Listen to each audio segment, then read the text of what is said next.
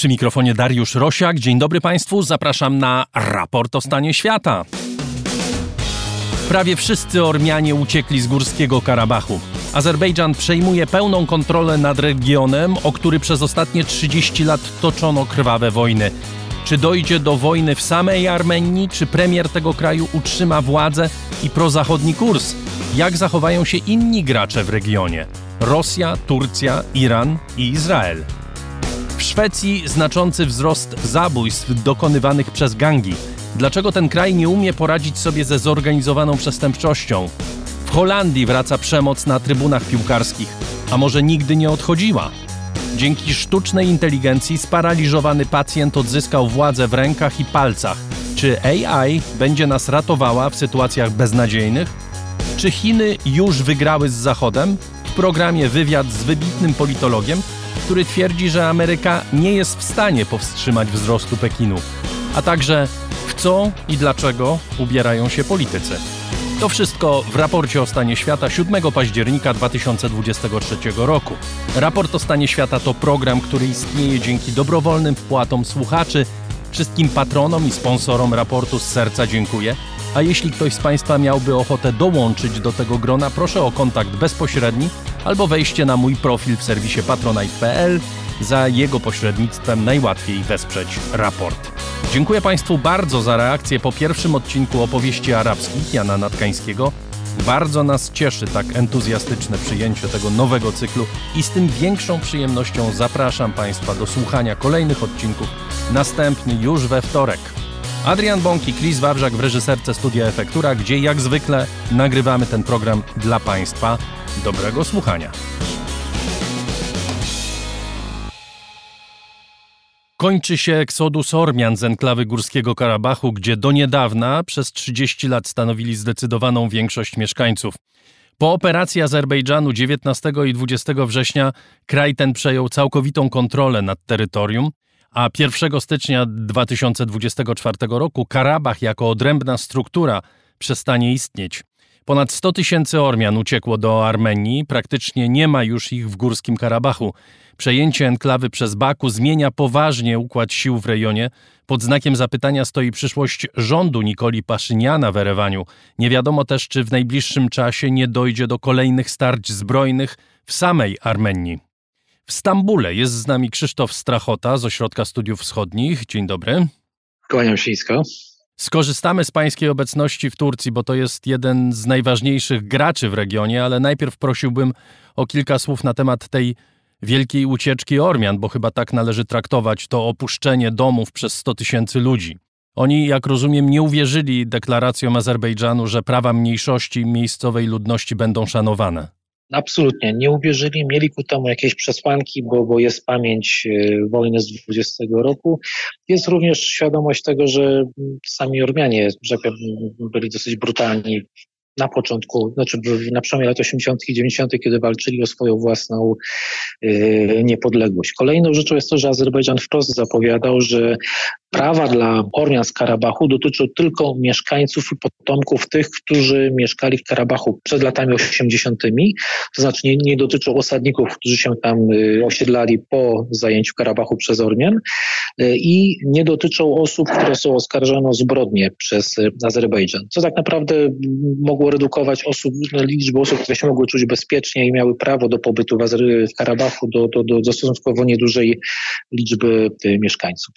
Jak wyglądał ten eksodus? To znaczy, jak się patrzyło na zdjęcia, to rzeczywiście były to fale uciekinierów, uchodźców, czy towarzyszyły temu aktu przemocy ze strony Azerbejdżanu? E, ja nie widziałem żadnych spektakularnych i takich potwierdzonych aktów przemocy wobec Ormian. Wyglądało to troszeczkę w ten sposób, że ludzie uciekający ze wsi do Stepanakertu, czyli do, do, do, do stolicy Karabachu, chronili się pod osłoną e, sił rosyjskich pokojowych i to była ewakuacja organizowana przez władze ormiańskie i przez e, Rosjan. Nie był to efekt kontaktu, że tak powiem, osobistego, bezpośredniego Ormian z, z Azerami. Azerowie stopniowo zajmowali obszar Karabachu. W dużym stopniu była to ewakuacja organizowana odgórnie, a nie w efekcie bezpośrednich ataków Azerbejdżanu. Większość z tych ludzi poszła do Armenii. Jak oni są tam przyjmowani? Z jednej strony z dużą serdecznością Karabach jest bardzo ważną rzeczą jakby w świadomości ormiańskiej, jest świadomość dramatyzmu i tragizmu tej obecnej sytuacji. Pewnie z czasem problemy by się zaczynały na bazie jakby socjalnej.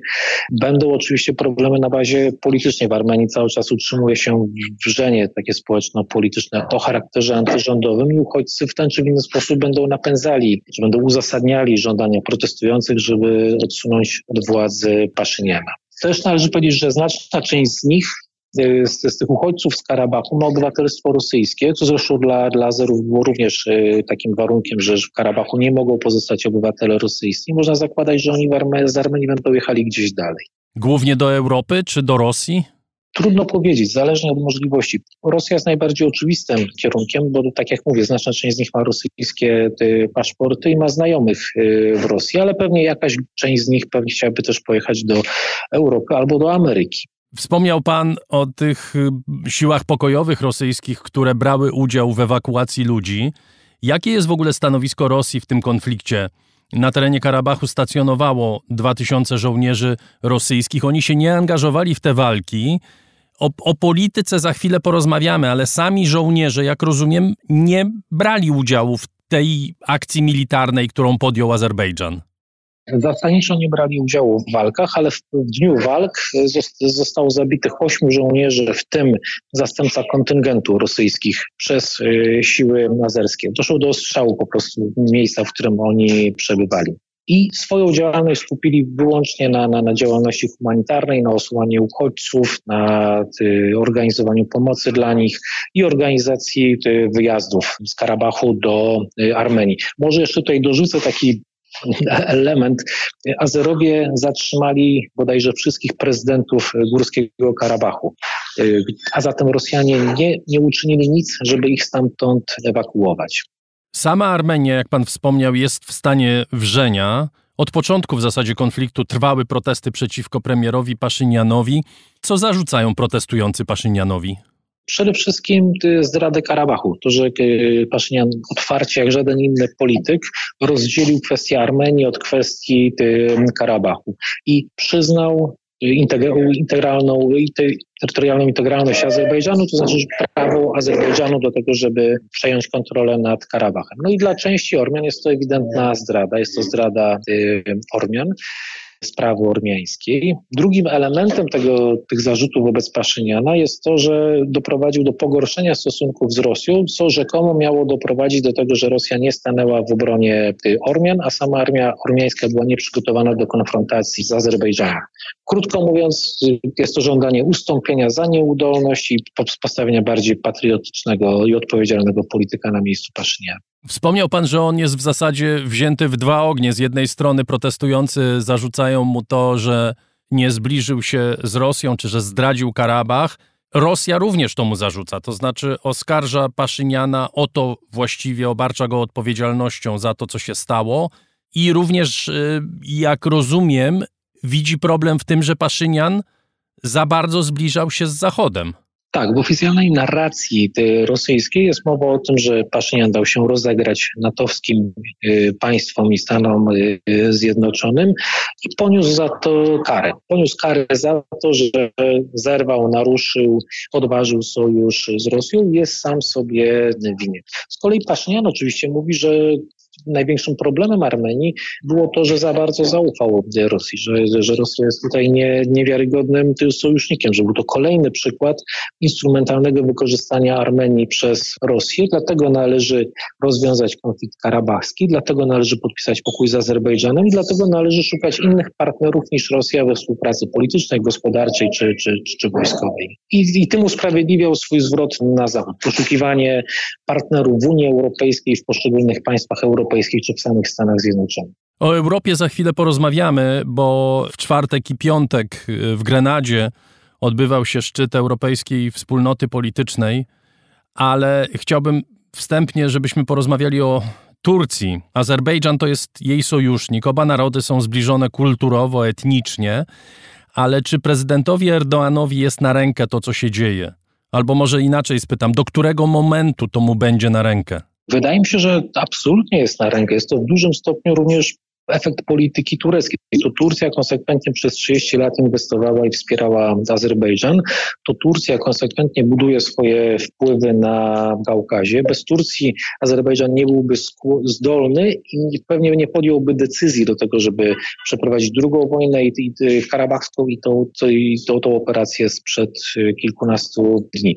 Tutaj można mówić o pełnej synchronizacji między Turcją i Azerbejdżanem. Ja bym traktował to jak jeden z większych sukcesów polityki y, w ogóle zagranicznej. Wpływy na Kaukazie, Azerbejdżan i rozgrywka dookoła Karabachu. Ale czy Erdoanowi również będzie na rękę, jeśli na przykład Azerbejdżan zaangażuje się militarnie w Armenii, bo przecież o tym cały czas jest mowa. Zaraz dojdziemy do powodu y, tego zaangażowania. Azerbejdżanowi chodzi o przebicie korytarza do Nachiczewania, do tej enklawy azerskiej przeciętej przez terytorium Armenii. Ten korytarz musiałby przechodzić przez teren Armenii. Armenia się na to nie godzi.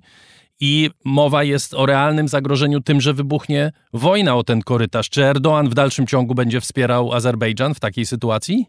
To jest sprawa delikatna. Powiedziałbym tak, że Wszystkie znane mi głosy eksperckie tureckie i znaczna część wypowiedzi politycznych sugerują, że Turcja popiera, uznaje prawo do tego, że Azerbejdżan ma prawo wszelkimi środkami przebić sobie ten korytarz, czy uzyskać dostęp do, do, do, do korytarza. Najlepsze z punktu, z punktu widzenia tureckiego byłoby polityczne uzyskanie tej zgody, znaczy w ramach procesu pokojowego i za zgodą władz w Erewaniu. To byłaby sytuacja idealna, ale skłonny jestem obawiać się, że gdyby nie daj Boże doszło do, do, do tego typu przebicia, przez Azerbejdżan tego szlaku, oni by uzyskali wsparcie Turcji. To wynika też troszeczkę z tego, że proces pokojowy, który jest robiony pod auspicjami Unii Europejskiej, w nim nie uczestniczy Turcja. Unia Europejska nie chce Turcji w tym procesie. Chodzi głównie o Francję, która ma bardzo napięte relacje z Turcją. Więc Turcja troszeczkę ma taką świadomość, że nie może uczestniczyć w politycznym procesie, nie może zebrać politycznych owoców swojego sukcesu y, z winy Europy. To skoro nie może tego zrobić z Europą, to wydaje mi się być otwarta na to, żeby to zrobić innymi drogami.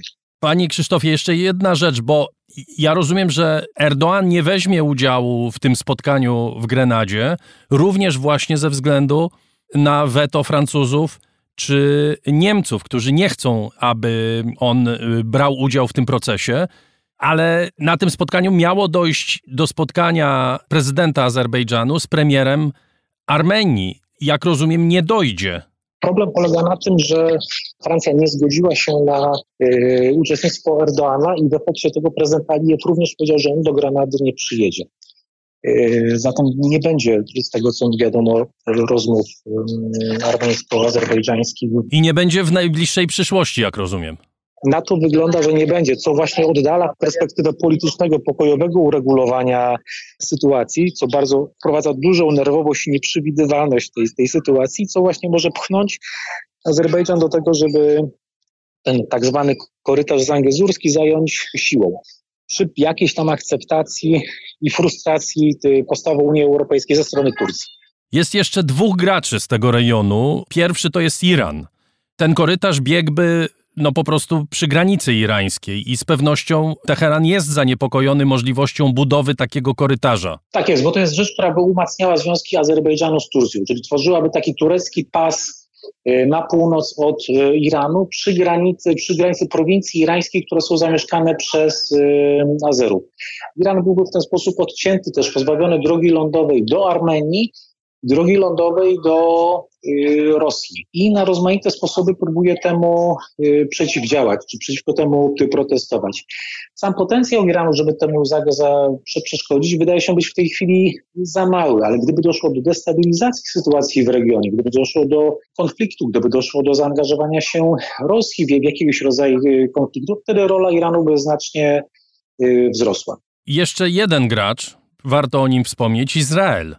Izrael, który zbroi Azerbejdżan i z pewnością dla niego obecność w tak newralgicznym punkcie, jak właśnie ten korytarz i sytuacja, w której Iran jest postawiony no, w bardzo trudnym położeniu właśnie poprzez zapowiedź budowy tego korytarza, to wszystko gra na korzyść Izraela, prawda? Ja rozumiem, że Izrael sprzedaje broń Azerom, ale także są Izraelczycy, którzy współpracują z armią azerbejdżańską. Tak, i to jest współpraca, która trwa co najmniej od kilkunastu lat.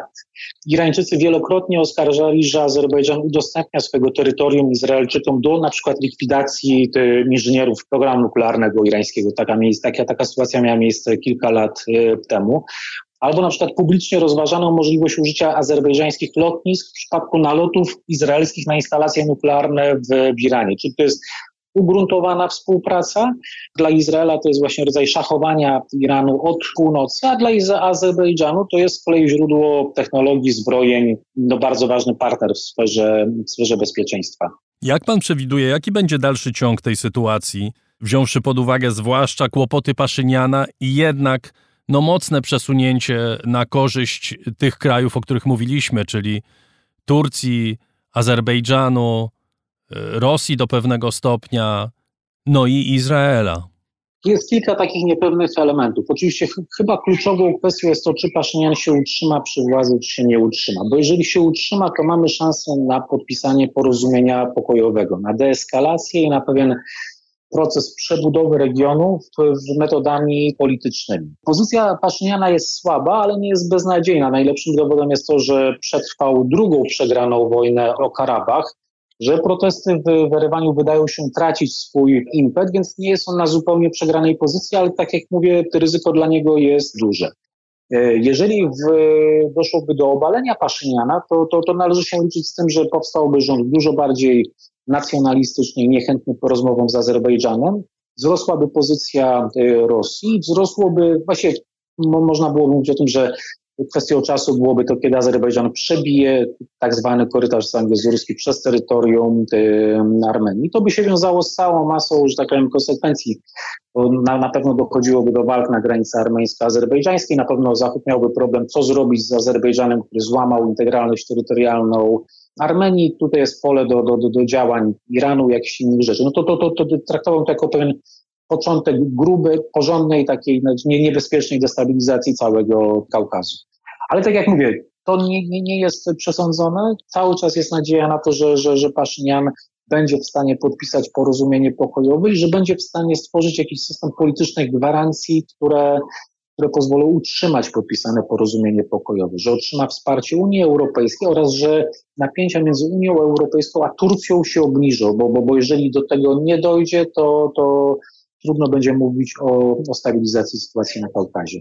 No to oczywiście pytanie jest jeszcze o Rosję, znaczy jak bardzo agresywnie Rosja będzie chciała grać na Kaukazie. Jest słaba, ale to nie znaczy, że bezbronna. Nie jest w stanie wiele stworzyć i zbudować, ale jest w stanie bardzo dużo zniszczyć. I w tej sytuacji jeszcze może też warto wspomnieć, strasznie trudna jest rola Europy, która przecież stawia na Azerbejdżan jako, jeśli chodzi o gaz, jako y, alternatywę dla Rosji. E, z jednej strony tak, ale z drugiej strony, tak widzimy to na przykładzie Francji, która nadaje ton europejskiej polityce, ona jest, Francja jest bardzo proormiańska, bardzo antyazerbejdżańska, a zdecydowanie antyturecka. I to właśnie postawa Francji powodowała, że y, nie doszło pośrednio, że nie doszło do rozmów w Granadzie i to też postawa Francji powoduje, że Azerbejdżan i Turcja są zdystansowane wobec współpracy z Unią Europejską. Więc tutaj ta Unia Europejska, jak zawsze w takich sytuacjach, ma kilka swoich mm, oblicz, znaczy ścierają się różne, różne interesy. Krzysztof Strachota z Ośrodka Studiów Wschodnich był gościem raportu o stanie świata. Dziękuję panu bardzo. Dziękuję bardzo.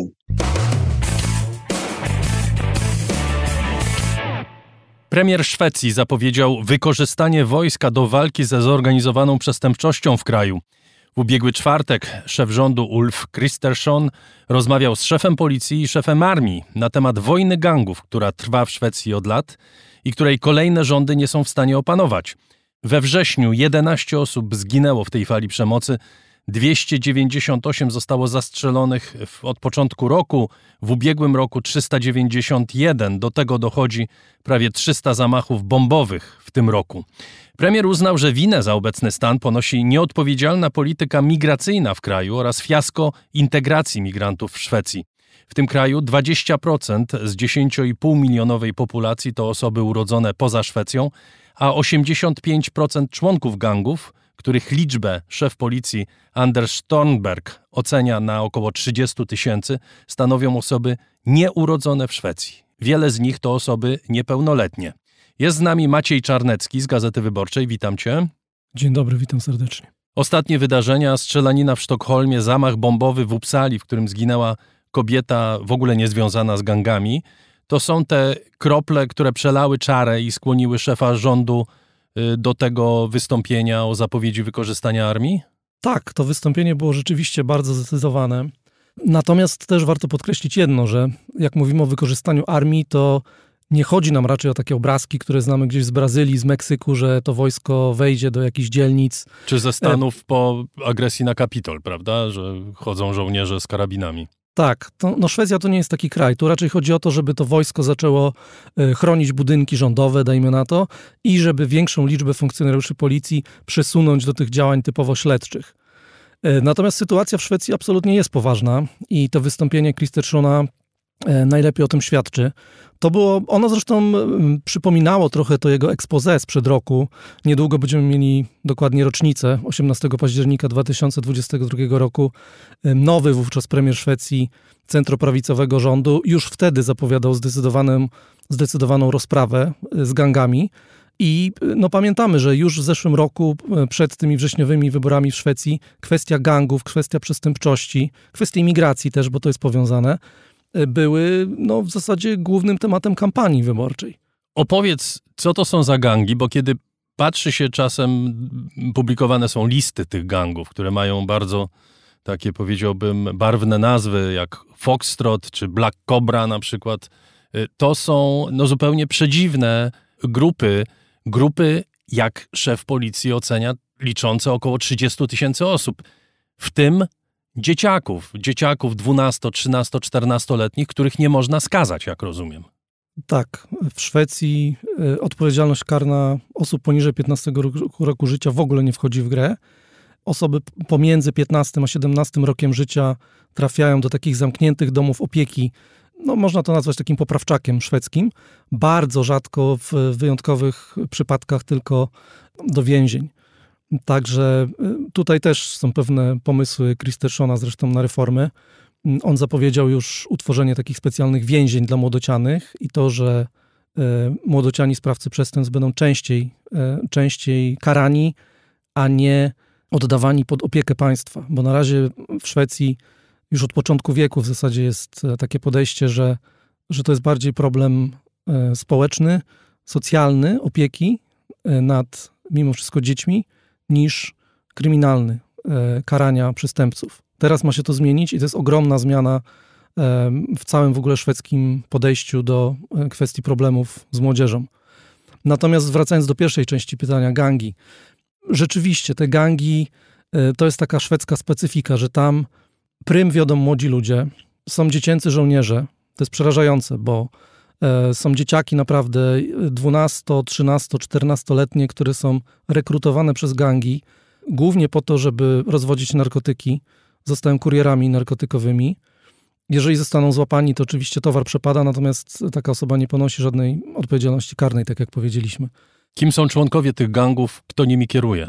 Tak, i kierują nimi też często dość młodzi ludzie. Mówimy o tych, e, no kierują tymi oddziałami gangsterów, powiedzmy. Ci, ci gangsterzy niższego, średniego szczebla, to jak opowiadałem eksperci, to są ludzie po 18, 20, 20 kilka lat. E, mnie zszokował taki wywiad z prawniczką, e, jedną z szwedzkich prawniczek, która opowiadała niedawno w Guardianie, że ona pracując z młodzieżą poznawała osoby, które miały 22 lata i były praktycznie weteranami e, życia gangsterskiego. E, w Szwecji się zdarza, że 17-18-latek kupuje pół kilo kokainy e, i zaczyna to dystrybuować, e, mając pod sobą 30-40 młodocianych kurierów. Także to są bardzo młodzi ludzie. Ci najwyżsi bossowie gangów e, to są już osoby starsze, o takiej bardziej ustalonej reputacji oczywiście w tym świecie, no bo tak, tak być musi pewnie, ale to jest rzeczywiście ta szwedzka specyfika. I Szwecja ma problemy z gangami młodzieżowymi już od lat, natomiast one przychodzą falami, bo taka jest specyfika tego półświadka, że jak coś się zaognia, jak są jakieś rozłamy, jak są jakieś rywalizacje, jak ktoś komuś nadepnął na odcisk, to to się zaostrza. I poprzednie fale e, przemocy w Szwecji wynikały z rywalizacji pomiędzy gangami. Ta akurat e, teraz, sierpniowa i wrześniowa, wynika z rozłamu w jednej z największych sieci kryminalnych Foxtrot. To jest sieć, którą kieruje taki człowiek, który się nazywa Rawa Majid, nazywany kurdyjskim lisem. To jest e, człowiek, który urodził się jeszcze w Iranie, ale, ale jako e, bardzo, bardzo, jako niemowlę w zasadzie wraz z rodzicami przybył do Szwecji w latach 80. E, dorastał w Szwecji, w Uppsali.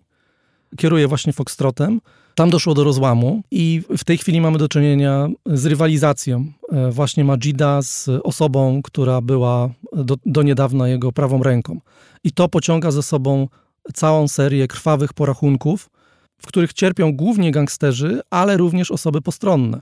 Bo, tak jak wspomniałeś, niedawno doszło do wybuchu przecież właśnie pod Upsalą, gdzie zginęła 25-letnia kobieta, której wydaje się jedyne powiązanie z gangiem było takie, że była po prostu sąsiadką osoby, której chciano podłożyć bombę. W czasie kampanii wyborczej w zeszłym roku też była słynna sprawa w Eskilstunie, kiedy to doszło do strzelaniny nieopodal placu zabaw, gdzie przybywała matka z dzieckiem. Oni zostali ranni. No i tam e, oczywiście zaczęli przyjeżdżać przeróżni politycy, e, również socjaldemokraci rządzący wtedy e, zapowiadać zaostrzenie kar dla przestępców, którzy dopuszczają się takich strzelanin. Natomiast no, do tej pory niewiele jeszcze, szczerze mówiąc, z tego wyszło, bo to jest trochę też taka specyfika Szwecji, że tam te zmiany zachodzą powoli. Każda ustawa jest poprzedzana jakimiś raportami, dyskusjami ekspertów i tak dalej. Te zmiany powoli zachodzą, zaostrzenie prawa, natomiast pewnie nie w takim tempie, w jakim należałoby to robić. Jeszcze jedna chyba ważna rzecz, bo jeśli patrzymy na te statystyki, no to one oczywiście to są wysokie statystyki, ale to nie są statystyki, które by kazały myśleć, że cała Szwecja jest sparaliżowana. Z drugiej strony, kiedy mamy taki przypadek jak ostatnio, że do zabójstwa w południowym Sztokholmie dochodzi w sąsiedztwie boiska, na którym trenują dzieci, grają dzieci w piłkę, to statystyka jakby gdzieś tam chowa się w, w cień, prawda?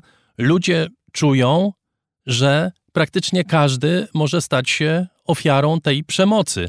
Premier Kristersson mówi: Szwecja nigdy nie widziała czegoś podobnego. W żadnym kraju europejskim nie dzieją się podobne rzeczy. To są bardzo mocne słowa ze strony całkowicie mainstreamowego polityka, którego partia zresztą współpracuje z antyimigrancką partią szwedzkich demokratów. I myślę, że może to jest dosyć istotne pytanie. Czy Szwedzi czują, że ta przemoc zmienia ich życie? To znaczy, czy to jest coś, co wpływa na życie przeciętnych ludzi?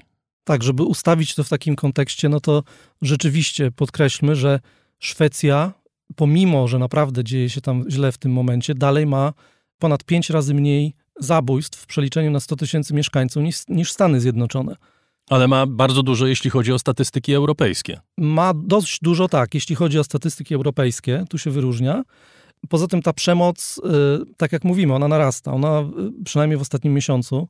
Ona zaczyna dotykać też osób postronnych, więc na pewno trzeba coś z tym zrobić. Co z tym zrobić, to już jest inne pytanie.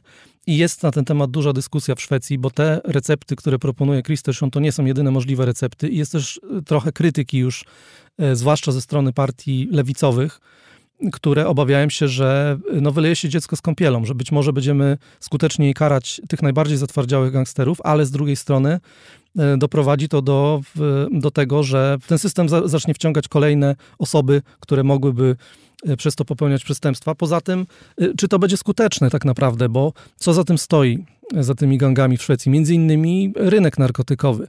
Więc czy skuteczne będzie karanie tylko tych osób, które sprzedają narkotyki, czy też należałoby mm, za, zacząć karać osoby, które je kupują. To jest jeden z pomysłów. E, są też takie głosy, że w ogóle ten system może być zbyt represyjny i należałoby na przykład y, zwiększyć takie miękkie działania, czyli y, doinwestować, y, doinwestować centra kultury, centra sportowe, gdzie ta młodzież z tych trudnych dzielnic mogłaby robić coś innego.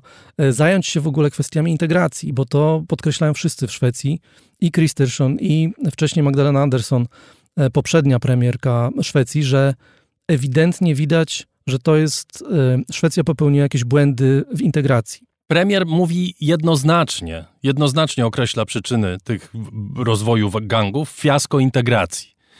Nazywa rzecz po imieniu również polityki, to znaczy w Szwecji w ogóle przez lata nie było dyskusji na temat negatywnych skutków, jakie może przynieść migracja, a Szwecja jest krajem, przypomnijmy, który jeśli chodzi o Europę i w ogóle chyba warunki światowe.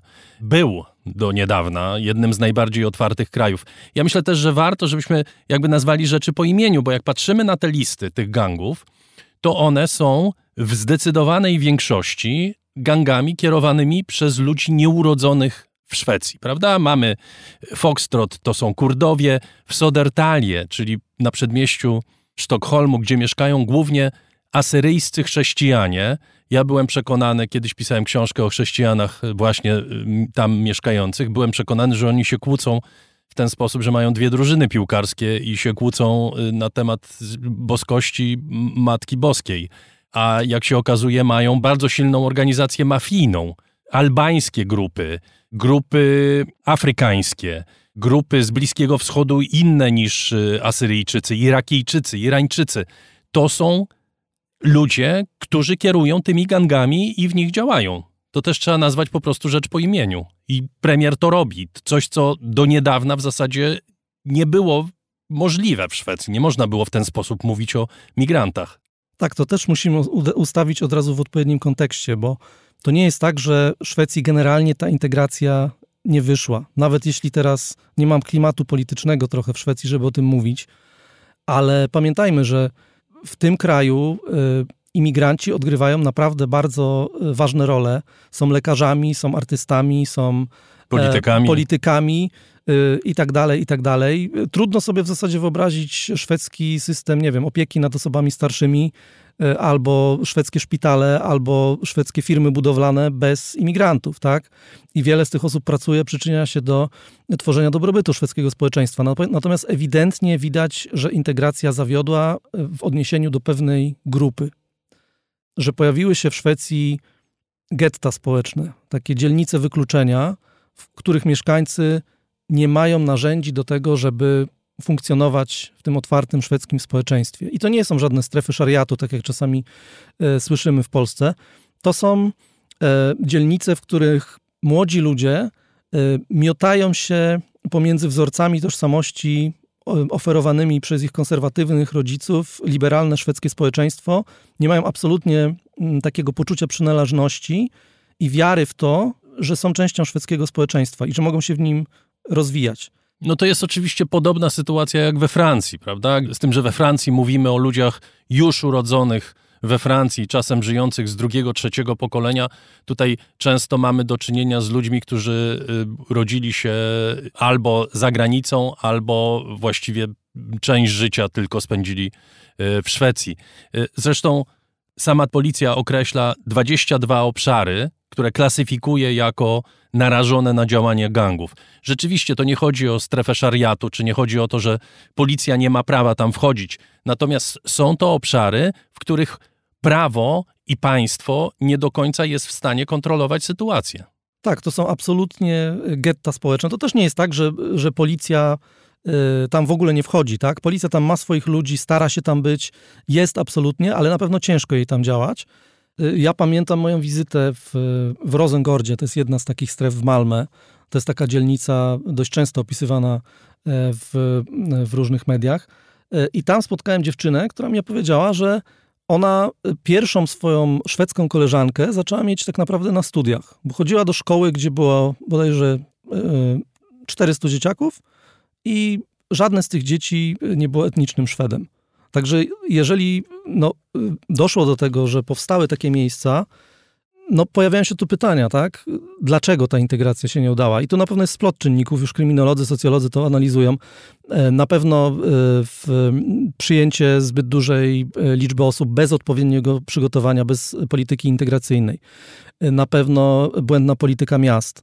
Na pewno być może jakieś takie szwedzkie cechy charakteru, które utrudniały te kontakty, bo e, Szwedzi to jest specyficzny naród. Być może e, zwiększona dostępność narkotyków, broni palnej, bo przecież do Szwecji szerokim strumieniem napływa broń palna przez most nad Sundem. Także te wszystkie czynniki mogły się ze sobą zgrać i mamy to, co mamy. Szwedzi patrzą chyba przede wszystkim na Danię jako źródło inspiracji. Ty mówiłeś o tym, żeby odejść od sytuacji, w której dziecka 14 czy 15-letniego nie można skazać. To znaczy, nie można mu po prostu nic zrobić i to dziecko może rozwozić te narkotyki właściwie bezkarnie. Nie zajmujmy się przez moment winą tego dziecka, tylko bo winę przede wszystkim ponoszą ci, którzy go wysyłają, czy ją wysyłają, ale w Danii to inaczej funkcjonuje. Przede wszystkim również chyba Szwedzi patrzą nie wiem czy zazdrością, w każdym razie y, zastanawiają się, czy nie skopiować również rozwiązań dotyczących polityki migracyjnej z Danii. Tak, no Szwedzi już zmieniają od pewnego czasu swoją politykę migracyjną, przyjmują coraz mniej uchodźców. Także szukają różnych inspiracji. Ciężko w tej chwili powiedzieć, które rozwiązanie się okaże najlepsze, natomiast pewne jest, że coś trzeba zrobić. Ja nie sądzę, żeby w Szwecji nagle zaczęto karać, nie wiem, 12-13-latków e, w postępowaniach karnych. Natomiast to jest kwestia ochrony też ci, tych dzieci, tak? Bo e, jeżeli słyszymy o takich przypadkach jak ostatnio pod Sztokholmem, gdzie 13-letnie dziecko zostało znalezione w lesie z kulką w głowie, no, różne są historie, ale na przykład zdarzają się też takie zabójstwa, kiedy te dzieci nie chcą dealować, albo kiedy dealują i wchodzą na teren y, jakiejś wrogiej grupy. To jest kwestia już nie tylko sprowadzania tych dzieci na dobrą drogę, tak jak dotychczas to rozumiano w systemie, czy karania, ale po prostu tego, żeby tym, te dzieci mogły y, żyć. E, szwedzka policja ma teraz listę osób, które są zagrożone podczas tej wojny gangów i które muszą być chronione Y, ponieważ zostały wydane na nie zlecenia. Jak to dalej będzie się rozwijać? To znaczy, czy to jest jakiś moment kulminacyjny, po którym jak zwykle nastąpi pewne rozprężenie, czy w tym momencie rzeczywiście Szwedzi są przekonani, że jeżeli nie podejmą pewnych działań, to ta sytuacja kompletnie może wymknąć się spod kontroli?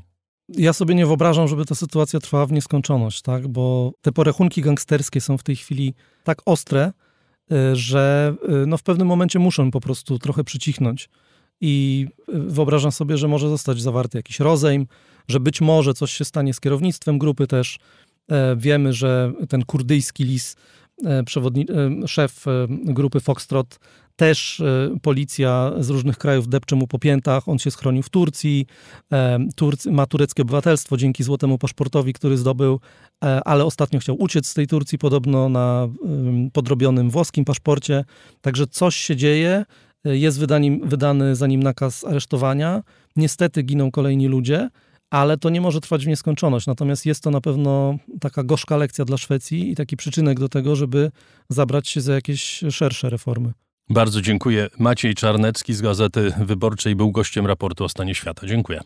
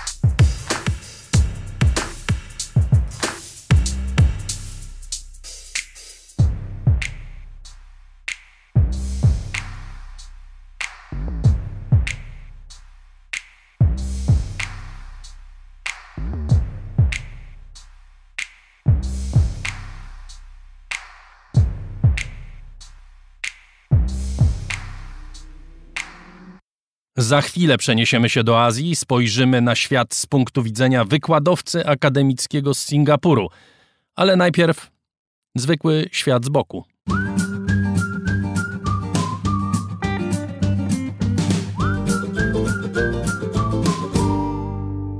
Grzegorz Dobiecki, na co dzień gospodarz programu Dzień na świecie w telewizji Polsat News, dziś o meandrach garderoby polityków.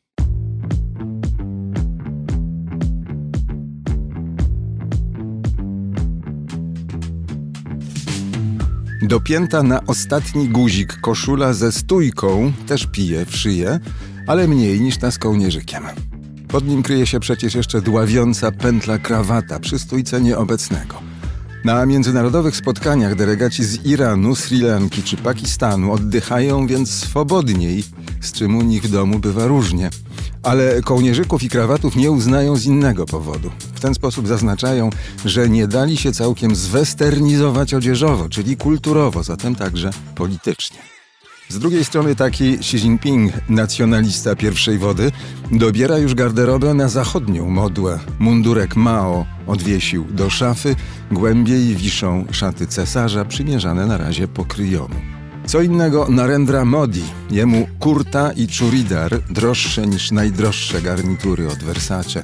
Podobnie szejkowie z nad zatoki pozostają przy kandurach, kefijach i agalach, a liderzy i liderki z Afryki dumnie potrafią nosić kolorowe bubu. Evo Morales, prezydent Boliwii, występował publicznie ubrany jak jego przodkowie z ludu Ajmarów. W Europie politycy odstawieni, że stróż w Boże ciało by pozazdrościł, ale wszyscy tak samo. Tymczasem ci, którzy z poświęceniem bronią narodowej tożsamości, mogliby na rzecz słusznej sprawy poświęcić również swoje kosmopolityczne kostiumy. Na brzegu morza Salvini w pantalonach i czerwonej koszuli, w czarnej jednak nie wypada. Na granicy węgiersko-słowackiej Orban w stroju Honweda, po drugiej stronie Janosik, Fico. Żaden imigrant się nie prześliźnie. W ONZ prezydent Duda podwija poły kontusza i nawija z mównicy, na zmianę podwija i nawija. Chociaż kontusz może niestosowny, bo z Turcji rodem od bisurmanów. Lepsza krakowska kierezyja wyszywana, cała drobno haftowana. Wołodymir Załański z konieczności zamienił wyszywankę na wojskową bluzę. Ciekawe, czy gdy ją z kolei przyjdzie mu zastąpić cywilnym garniturem, nie straci pewności siebie albo i urzędu. Garnitur, a przynajmniej jego góra pozostają dla polityków obowiązkowe. Nie ma zmiłuj. Zwłaszcza w parlamentach próby łamania dress kodu przynoszą co najwyżej zgniliznę kompromisu. Silna reprezentacja radykalnej lewicy wniosła do francuskiego Zgromadzenia Narodowego klimat trybun piłkarskiego stadionu, ale wygrała z konceptem fashion police.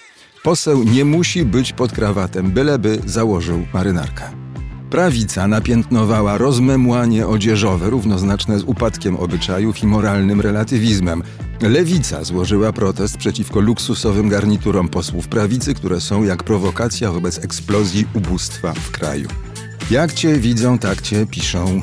Niefortunny kandydat na prezydenta Eric Zemmour napisał o trzech politykach, którym w wyborach poszło lepiej niż jemu. Myślałem, że Macron to taki mniej wulgarny Sarkozy, a to tylko lepiej ubrany Hollande. W poselskiej debacie Izby Gmin, nawet zdalnej, nie może zabrać głosu polityk w swetrze. Do parlamentu Walonii nie wolno wejść mężczyźnie w szortach. Dźwiękowiec ekipy telewizyjnej wszedł więc w spódniczce. W ramach akcji potępienia przemocy wobec kobiet kanadyjscy politycy wystąpili w różowych szpilkach. Kobiety odpowiedziały, że ci faceci o kruchym ego mają do dyspozycji lepsze środki zwalczania przemocy, np. ustawy. Wiatr przemian przywiał też nowe trendy odzieżowo-wizerunkowe do kanadyjskiego wojska – Spódnica może być częścią nie tylko kobiecego munduru. Żołnierzom i żołnierkom wolno tatuować nawet twarz oraz zapuszczać i farbować włosy, jeśli nie zakłóca to operacji wojskowych. Zrozumiałe You're in the army now. Plecaki mogą zwisać z jednego ramienia, ale koniecznie lewego, dzięki czemu łatwiej będzie salutować prawą ręką. Plecak, rzecz ważna. Tam żołnierz nosi buławę. Buławą polityka jest partyjny znaczek noszony w marynarce, in the navy, jak śpiewała grupa przebierańców. Politycy zasadniczo się nie przebierają, ale nie zawsze wyglądają tak samo. Zdarzają się bowiem okresy, kiedy ich koszule wpadają w bielszy odcień bieli, garnitury modnieją, w spodniach wyostrzają się kanty, a marynarki, gdzie tam marynarki? Marynary niosą zawartość jak skrzydła ku nowym, pięknym dniom. To szata godowa na czas tokowania, nie tylko w jednym radiu FM. Wtedy politycy są wszędzie, wyłażą z każdej dziury, roją się jak pluskwy w Paryżu. Wiadomo, wybory.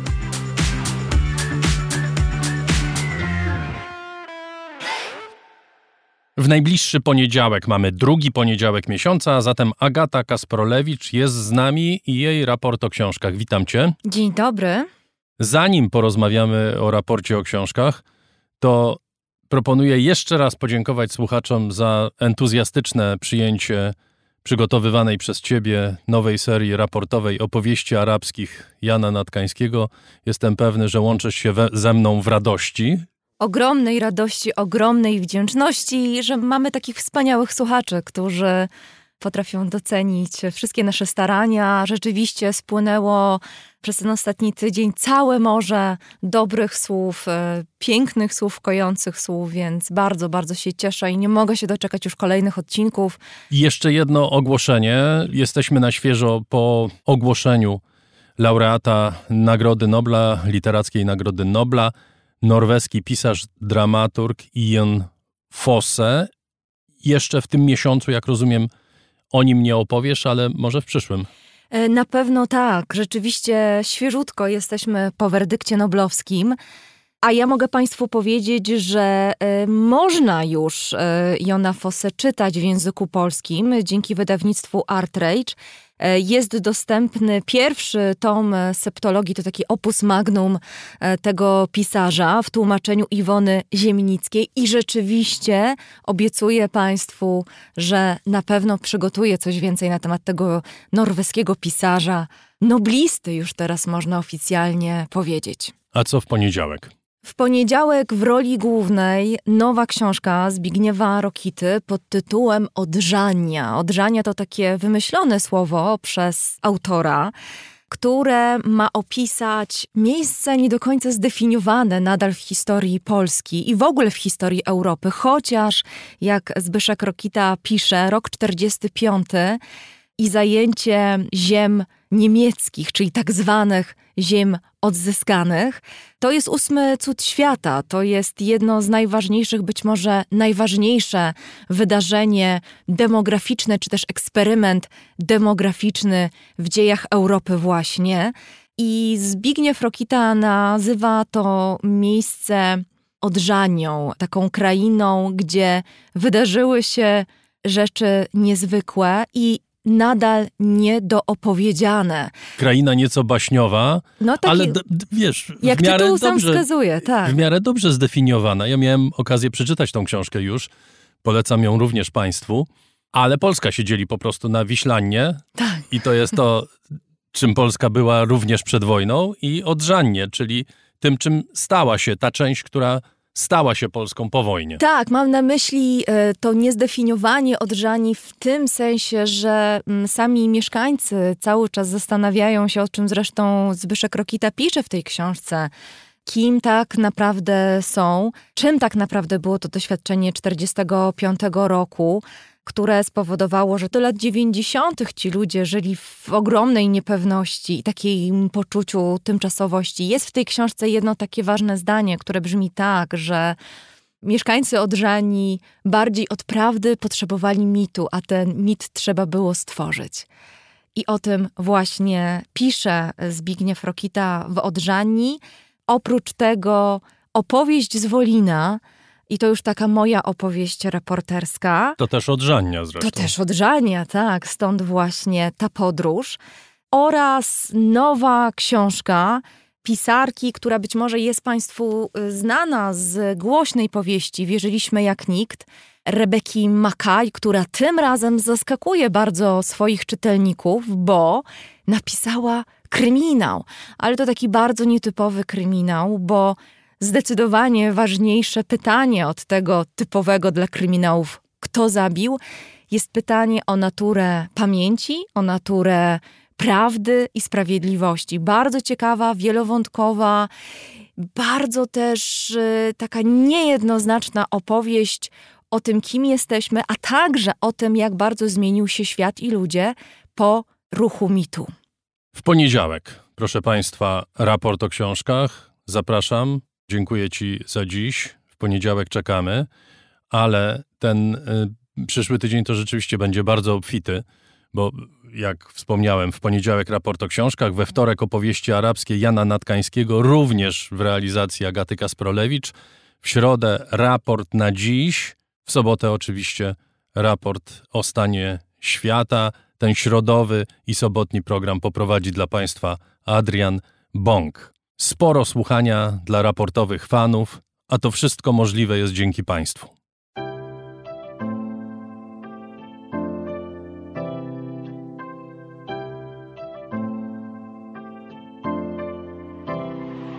Raport o stanie świata od marca 2020 roku rozwija się dzięki Państwa zaangażowaniu i szczodrości.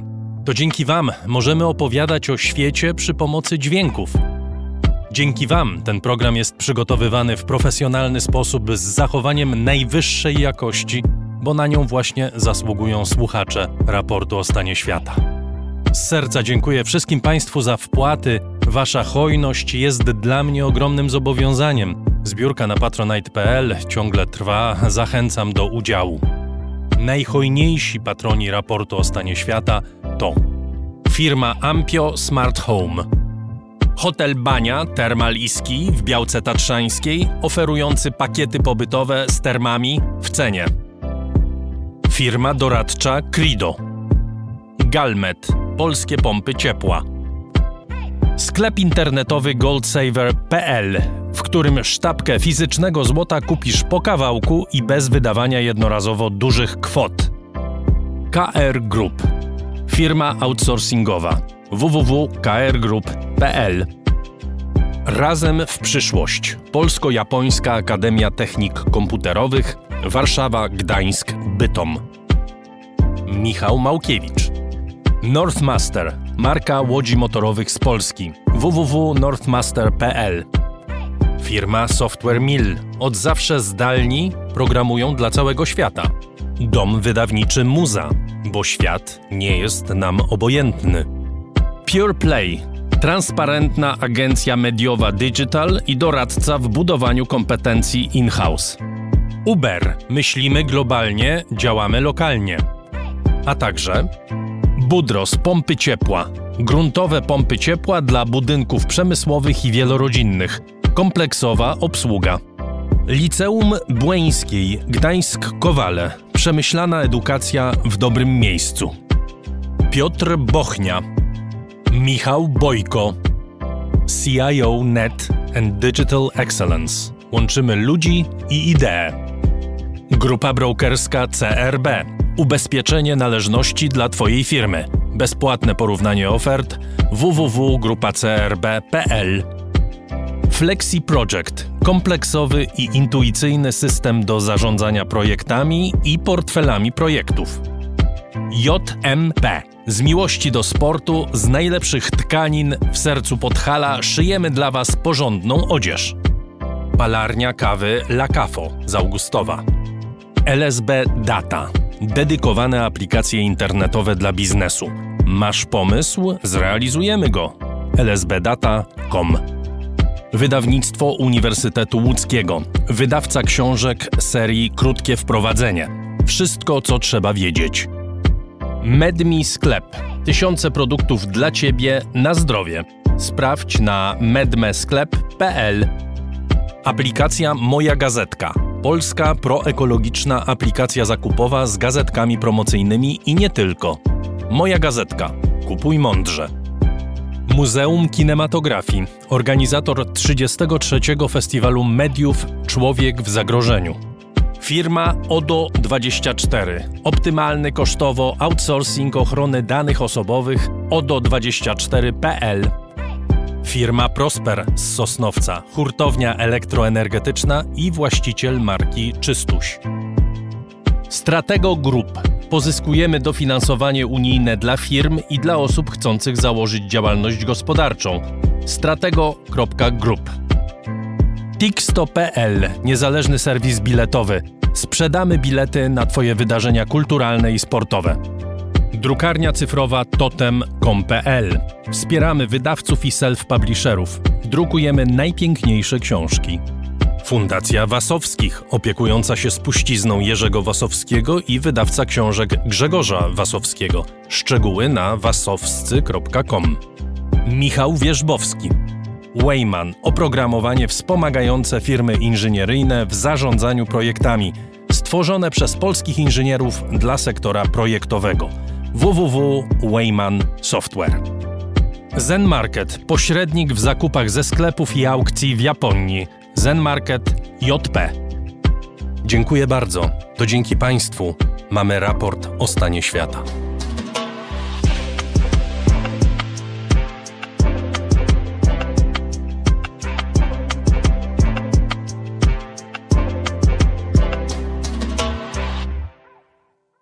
Holendrzy szukają sposobu na poradzenie sobie z pseudokibicami, regularnie zakłócającymi mecze tamtejszej ligi piłkarskiej. W ciągu ostatnich dwóch sezonów sędziowie w Holandii ponad 20 razy musieli przerywać mecze z powodu kibicowskich burd, odpalania rac dymnych czy też rzucania przedmiotami w piłkarzy. Grożące za to kary nie powstrzymują takich ekscesów, a kluby boją się, że ostrzejsze regulacje wywołają bunt kibiców i w konsekwencji mniejszą sprzedaż biletów. Po ostatnim meczu Ajaxu z Feyenoordem, przerywanym trzykrotnie, walkę z pseudokibicami zapowiadają także holenderscy politycy. O tym, czy tym razem okaże się skuteczna, Michał Banasiak.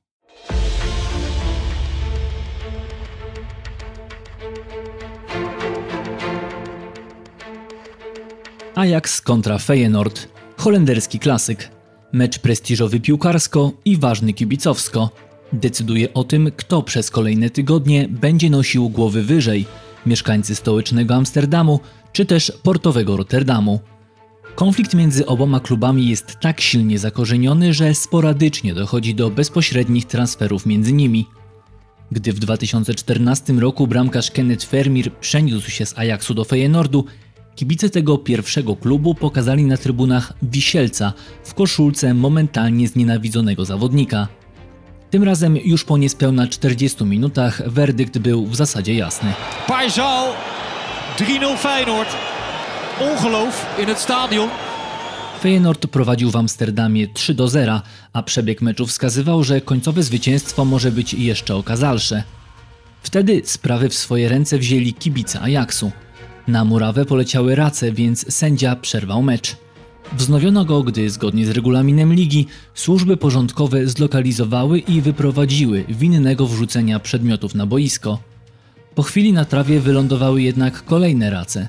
Gdy na początku drugiej połowy trzeba było przerwać grę po raz trzeci, arbiter już jej nie wznowił. Balverlies en daar gaan we. Daar gaat een eh, fakkel het veld op en dan gaan we eh, richting de kleedkamer.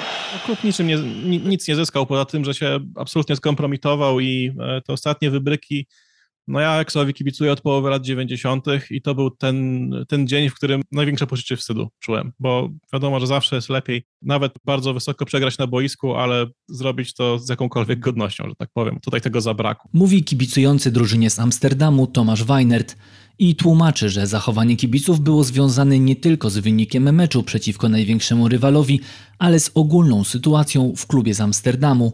A jak to najbardziej utytułowany holenderski klub. 36 razy wygrywał ligę, 20 razy krajowy puchar. Do tego czterokrotnie był najlepszą drużyną w Europie. Słynie ze skutecznego scoutingu młodych zawodników i swojej akademii, za której adeptów zagraniczne kluby co roku płacą krocie. Wśród jej absolwentów są Patrick Kleifert, Frank Rijkaard czy Edgar Davids. Od 1982 roku, gdy w drużynie grali jeszcze Johan Krauf i Marco van Basten, w każdym meczu w Ajaxie gra co najmniej jeden wychowanek. Seria spotkań zbliża się już do 2000. W ostatnim sezonie dobrze funkcjonująca maszynka poważnie się zacięła. Ajax zajął w lidze trzecie miejsce i po raz pierwszy od 10 lat nie zakwalifikował się nawet do eliminacji Ligi Mistrzów.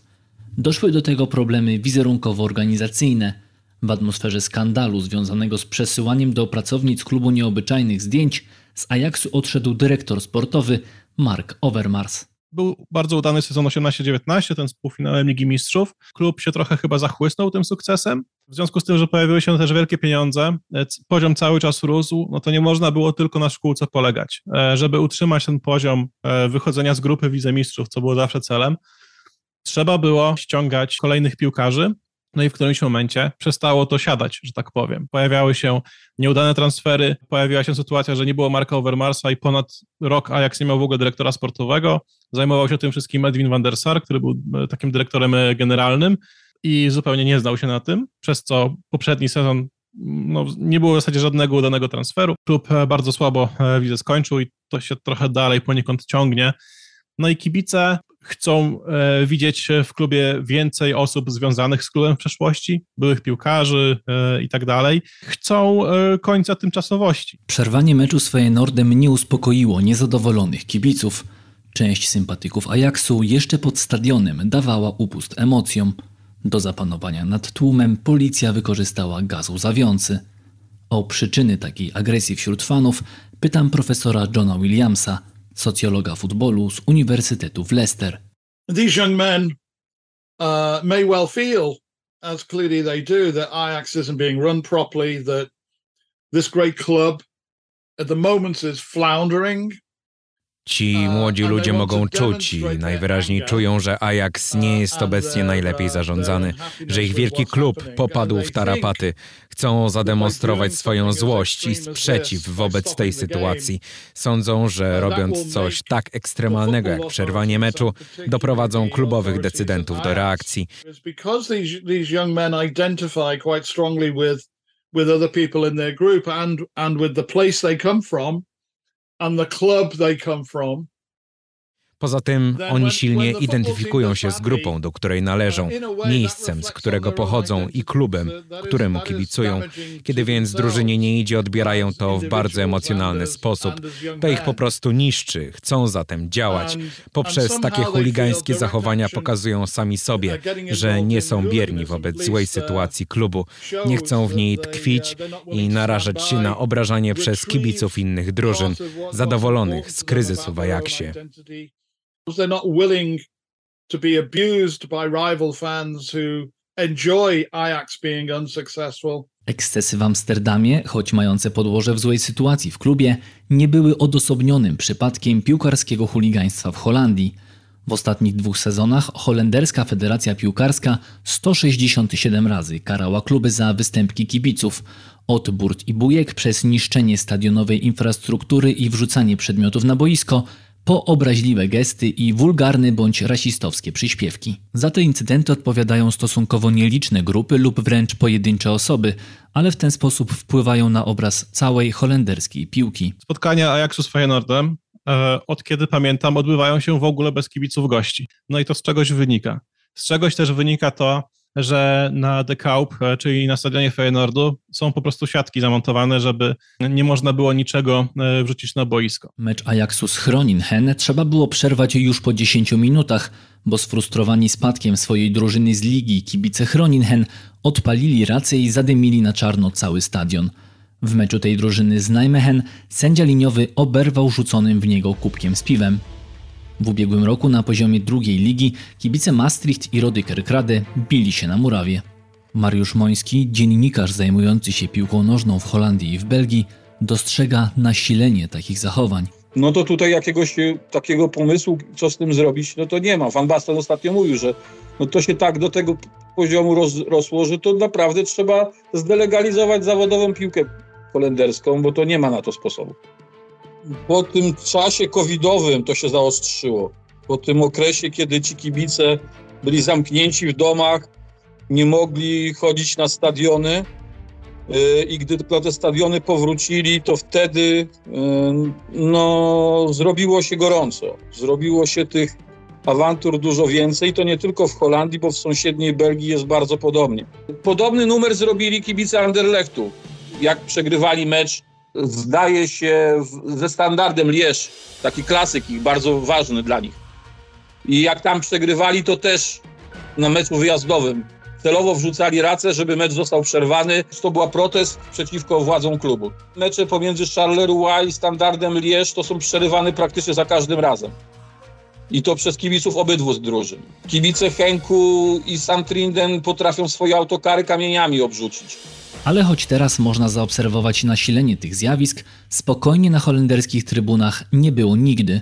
Jesienią 1989 roku podczas meczu Ajaxu z Feyenoordem w sektor kibiców drużyny z Amsterdamu zostały rzucone dwa domowej roboty ładunki odłamkowe, zrobione z fajerwerków i gwoździ.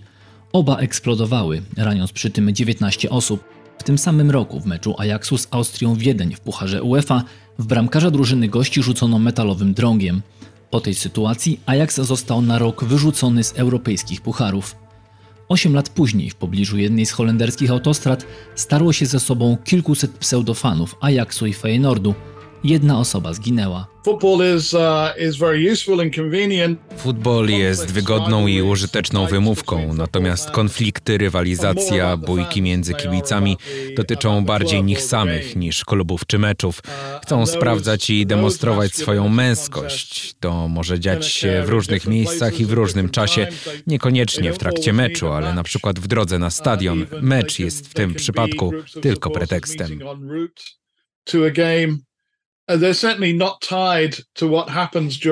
Mówi profesor John Williams.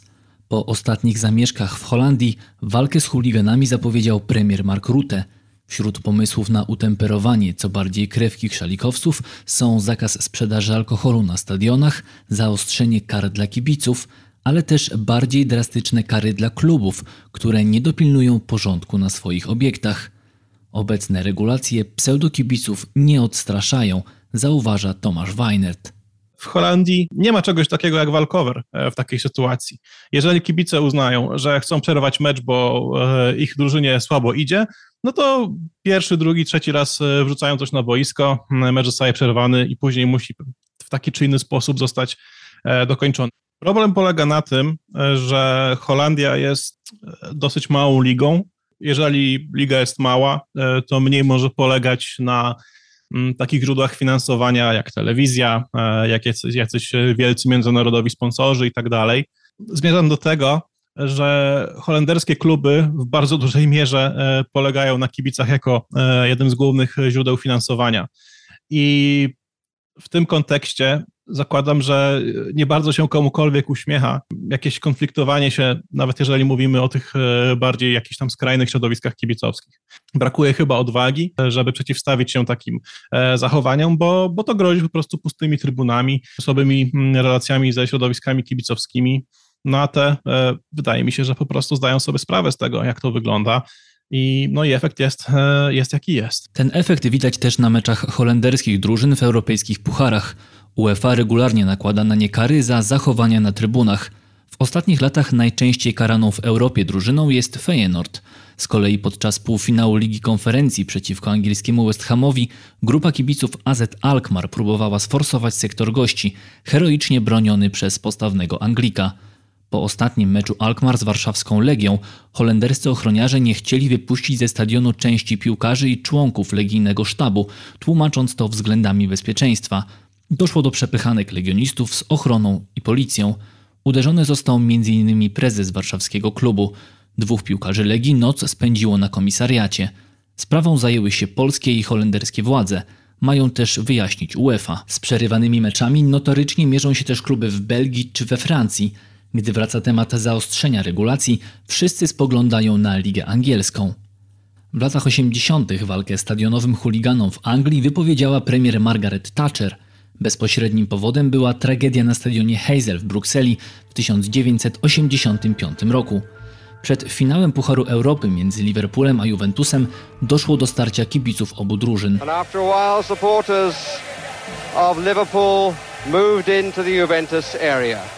And then a lot of the Juventus supporters decided the time had come to move away, and they moved away with such pace and in such numbers.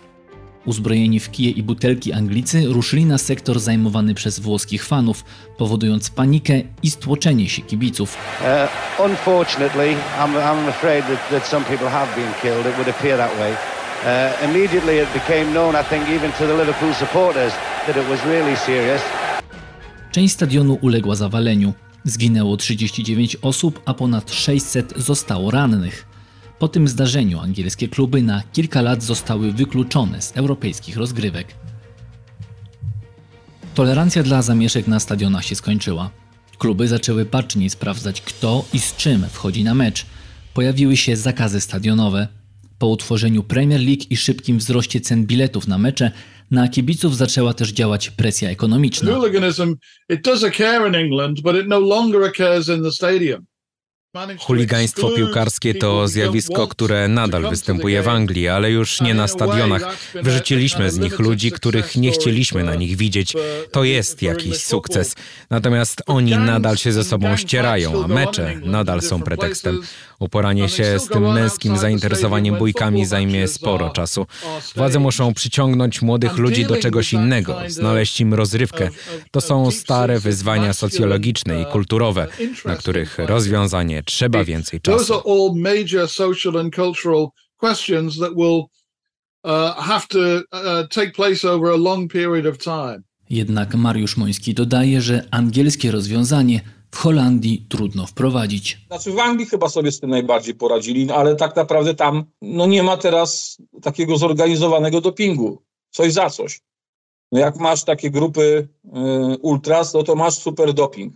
Jak nie masz grup ultras, no to dopingu nie masz. Te grupy ultras mają prawo od klubu przygotowywać oprawę stadionową. Ta oprawa nie jest niebezpieczna i klubom zależy, w Polsce też, żeby te oprawy były jak najfajniejsze, bo to się niesie. No ale w tym momencie, kiedy oni robią tą oprawę, przygotowują to wszystko, wieszają, przynoszą, to jest dzień wcześniej i wiesz, że w tych rulonach z tych wszystkich to można różne rzeczy poprzemycać. Banery, flagi, no oni mają sposoby na to, jak to wnosić i, i no, no nie wiem, jakie to musiały być systemy i, i to chyba musiałoby wojsko sprawdzać na tych bramkach, żeby oni tego nie przenieśli. To musiało być chyba tak jak na lotniskach. Ale nikt nie ma tyle pieniędzy, żeby zainwestować w to, żeby. Poza tym chyba nie do końca wszystkim zależy. Mecz Ajaxu z Feyenoordem został dokończony kilka dni później. Feyenoord strzelił jeszcze jedną bramkę i ostatecznie wygrał 4 do 0.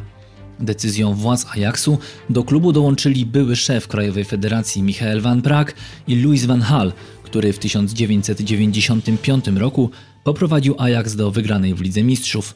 Mają pomóc w kwestiach organizacyjnych i schłodzić rozpalone głowy kibiców. Jedna czwarta przepytywanych w sondażu telewizji RTL Holendrów uważa, że żadne działania polityków ani klubów nie wyeliminują całkowicie stadionowej chuliganki. Ich zdaniem to po prostu część piłki nożnej. Dla raportu o stanie świata Michał Banasiak.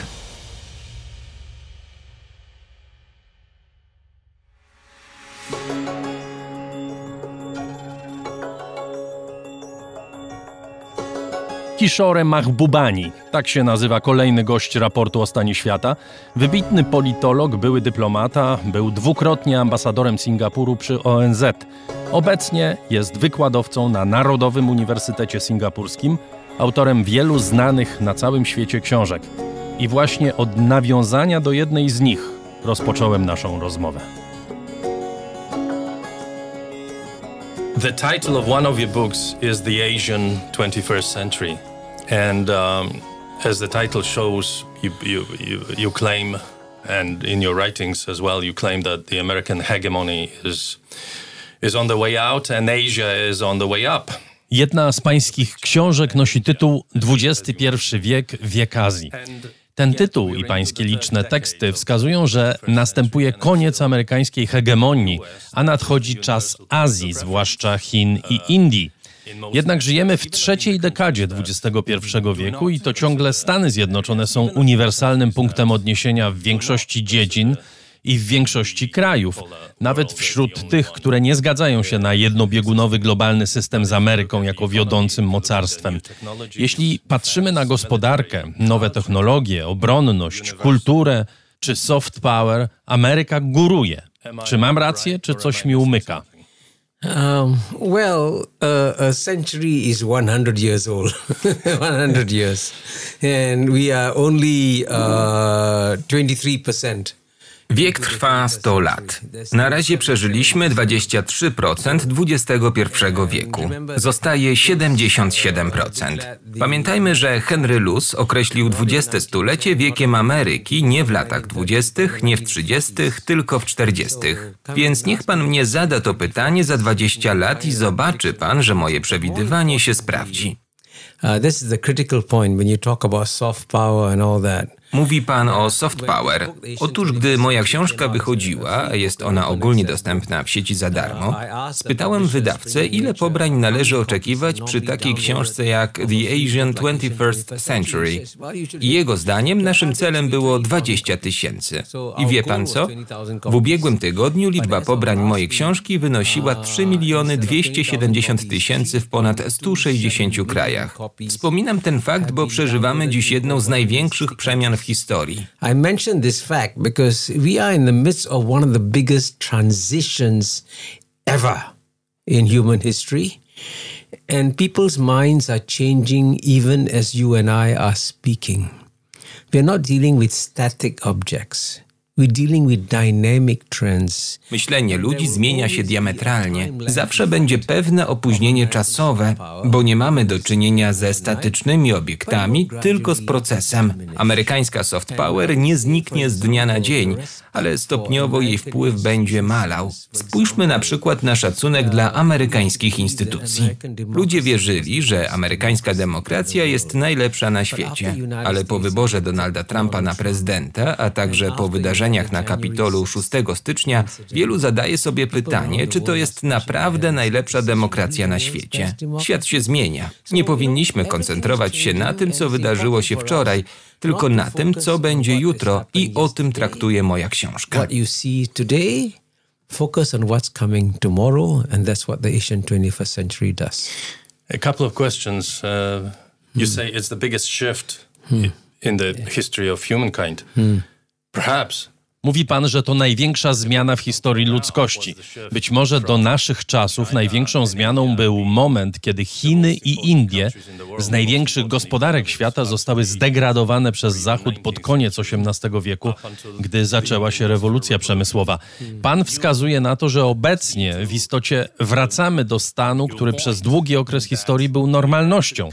Stanu, w którym to nie Europa, ani jeszcze mniej Ameryka rządziły światem, tylko kraje azjatyckie, takie jak Indie, Chiny czy Bliski Wschód jeszcze wcześniej. To stamtąd pochodziła potęga kulturalna, gospodarcza czy militarna.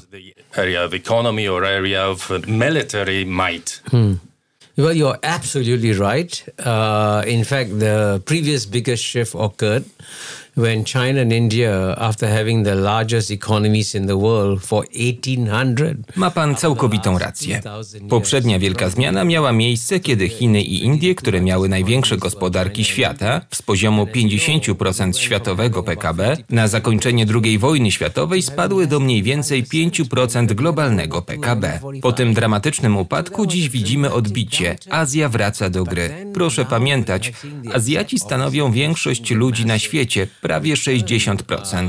Te 60% populacji świata przegrywało w konkurencji z Zachodem i właśnie przestało przegrywać. And the, this, these, this 60% of the world's population had underperformed for 200 years and they have stopped underperforming.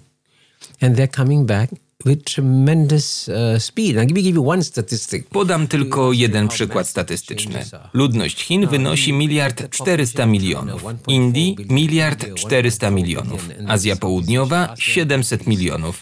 Razem jakieś 3,5 miliarda ludzi. W roku 2000 zaledwie 150 milionów z nich cieszyło się statusem klasy średniej. 20 lat później 1,5 miliarda Azjatów żyje na poziomie określanym jako klasa średnia. To jest dziesięciokrotny wzrost w ciągu 20 lat. Do roku 2030 ta liczba może wynieść od 2,5 do 3 miliardów ludzi.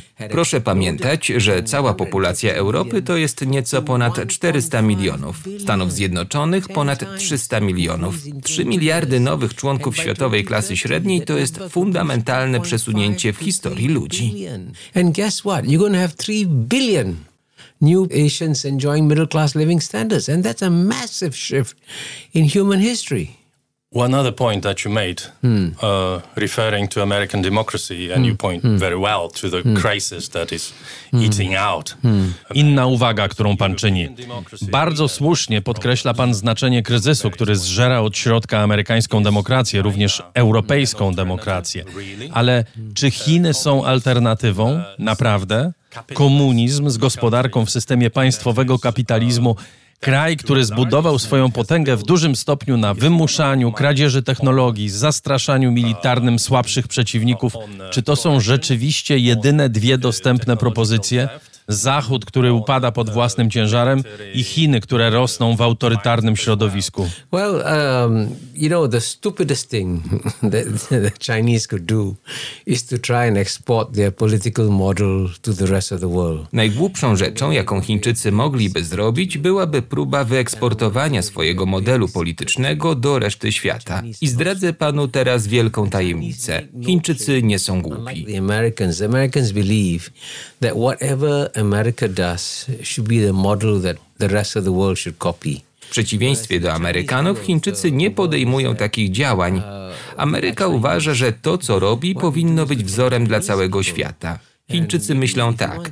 Jesteśmy Chińczykami, to co robimy jest dobre dla Chińczyków i wy możecie sobie wybrać własny system. My wam nie będziemy niczego eksportować. Cieszy mnie, że wspomniał pan, że Chiny odnoszą sukces wyłącznie dzięki wymuszaniu kradzieży technologii i ekspansji militarnej. Nie mówię, że wyłącznie dzięki temu. Uh,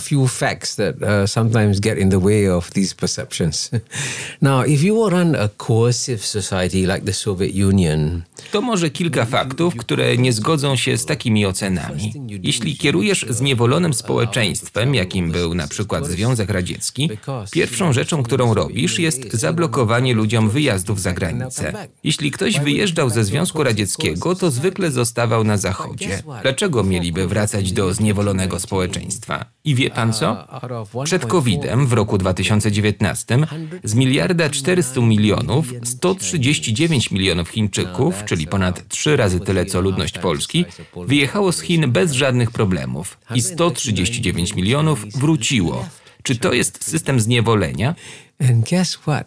139 million Chinese return to what is a coercive system. During COVID, Podczas COVID-u miliony Chińczyków nie mogły wyjść z mieszkań. Of course, have- I mean, and this this was true of many countries. Singapore too didn't allow freedom of movement during COVID, but they, they Tak, to zresztą działo się w wielu krajach. W Singapurze też nie było swobody przemieszczania się w czasie COVID-u. Proszę pamiętać, Chiny notują największy wzrost poziomu życia w ostatnich 40 latach. Ostatnie 40 lat to były najlepsze lata w ciągu 4000 lat historii chińskiej cywilizacji. 4,000 year old Chinese civilization. probably in the history. Być może nawet w historii ludzkości, jeśli mówimy o rozwoju. Exactly. If all that the Chinese did was to steal technology, and by the way, all all countries when their first phase of development steal technology, United States stole a lot from the United Kingdom in the early years. Dokładnie tak. Więc jeśli mówimy o kradzieży intelektualnej, warto pamiętać, że wszystkie rozwinięte kraje w pierwszej fazie rozwoju kradną technologię. Stany Zjednoczone kradły na potęgę od Wielkiej Brytanii. Charles Dickens narzekał, że sprzedaje miliony książek w Stanach i nie zarabia na tym ani pensa, bo Stany, no właśnie, kradły wtedy własność intelektualną. Chiny również robiły to w pierwszej fazie rozwoju i wiele krajów rozwijających się to robi. Ale dziś Chiny publikują więcej artykułów naukowych w największych czasopismach naukowych niż jakiekolwiek inne państwo, w tym Stany Zjednoczone. Tego nie da się zrobić przy pomocy złodziejstwa. Nie stajesz się numerem jeden, okradając numer dwa. Then you talk of military expansion. The last time that the Chinese military fought a major war was in 1979. Jeśli mowa o ekspansji militarnej, ostatnia duża wojna prowadzona przez Chiny miała miejsce w 1979 roku przeciw Wietnamowi. To było 44 lata temu. I teraz pana spytam. Ile wojen stoczyły Stany Zjednoczone w ciągu ostatnich 44 lat? Some people say we are at the brink of a war, a major war. Dobrze, ale wielu zwraca uwagę na to, że jesteśmy na progu wojny o Tajwan, którą być może Chiny wywołają. Zwracam tylko uwagę, że Chiny używają argumentu o potrzebie stworzenia świata wielobiegunowego, kiedy to dla nich wygodne, a kiedy nie jest to dla nich wygodne, zwłaszcza w stosunkach z mniejszymi krajami, i nie myślę tylko o Tajwanie, ale na przykład o Litwie, małym kraju, który ośmielił się przeciwstawić Pekinowi w drobny, symboliczny sposób, wtedy Chiny nie są wielobiegunowe. Nie widzi pan zagrożenia w takim działaniu na scenie międzynarodowej? small Lithuania, a little country that dared oppose it in a very minor way, in a very minor manner. Don't you see any dangers with this kind of behavior in international stage? Well, I think one of the sad aspects Jednym ze smutnych aspektów nadejścia azjatyckiego wieku jest to, że wielu Europejczyków będzie teraz musiało uczyć się historii Azji. Wiem, że to jest trudne, bo Europejczycy są uczeni, że tylko europejska historia się liczy, ale wie pan co? Historia Azji też wiele znaczy.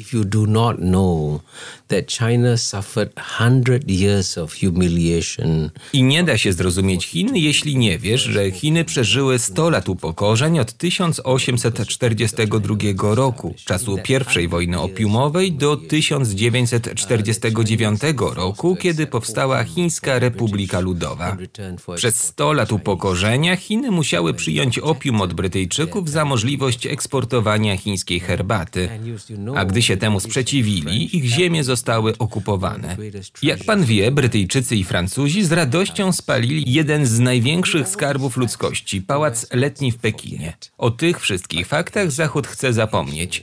Ale Azjaci i Chińczycy nie zapomnieli. So when tiny Lithuania decides to play games on Taiwan, it doesn't understand that it is reviving memories of the hundred years of humiliation. Więc kiedy mała Litwa zaczyna uprawiać jakieś gierki wokół Tajwanu, nie rozumie, że w ten sposób odradza wspomnienia o tych stu latach upokorzeń. Bo Tajwan jest dziś ostatnim żywym symbolem stulecia upokorzeń, jak pan wie, został on odłączony od Chin, gdy Chiny przegrały wojnę z Japonią w 1895 roku. I miliard 400 milionów Chińczyków może nie zgadzać się w wielu rzeczach, ale wszyscy zgadzają się, że Tajwan jest częścią Chin i musi nastąpić zjednoczenie. Naszym wspólnym celem powinno być pokojowe zjednoczenie. Najlepszym sposobem uniknięcia wojny jest unikanie prowokacji. Mała Litwa, która nie rozumie, czym dla Chin jest stulecie upokorzeń, postanowiła dźgnąć smok smoka w oko, a jak mówi stare powiedzenie, nigdy nie dźgaj smoka w oko. Tiny Lithuania, with no understanding of the century of humiliation, decided to poke the dragon in the eye, and as an old saying, never poke a dragon in the eye.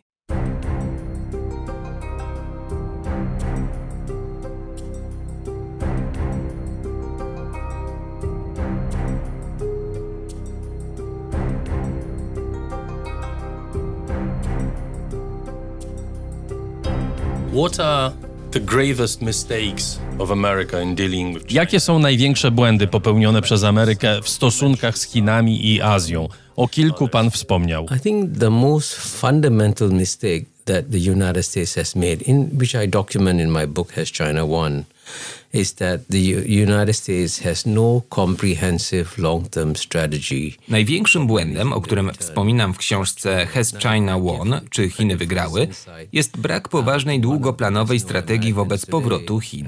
I oddaję hołd za to rozpoznanie jednemu z najbardziej znanych współczesnych Amerykanów. Nazywa się Henry Kissinger. Musimy zadać sobie proste pytanie. Co Stany Zjednoczone chcą osiągnąć? Czy na przykład chcą obalić rządy partii komunistycznej w Chinach. Tego się nie da zrobić. It cannot be done, right? Because as a Harvard Kennedy School study. Bo jak dokumentuje badanie Harvard Kennedy School, popularność partii komunistycznej w Chinach wzrosła z 86% w 2003 roku do 93% w 2016. Ludzie mają dobre powody, by popierać partię komunistyczną. Dzięki niej ich życie jest lepsze. China? How can you isolate China when China does more trade with the rest of the world than the United States? Druga rzecz. Czy chcecie izolować Chiny? Jak można izolować Chiny, skoro ich wymiana handlowa z resztą świata jest większa niż Stanów Zjednoczonych? A zatem o co chodzi Amerykanom? Czy chodzi o powstrzymanie wzrostu Chin?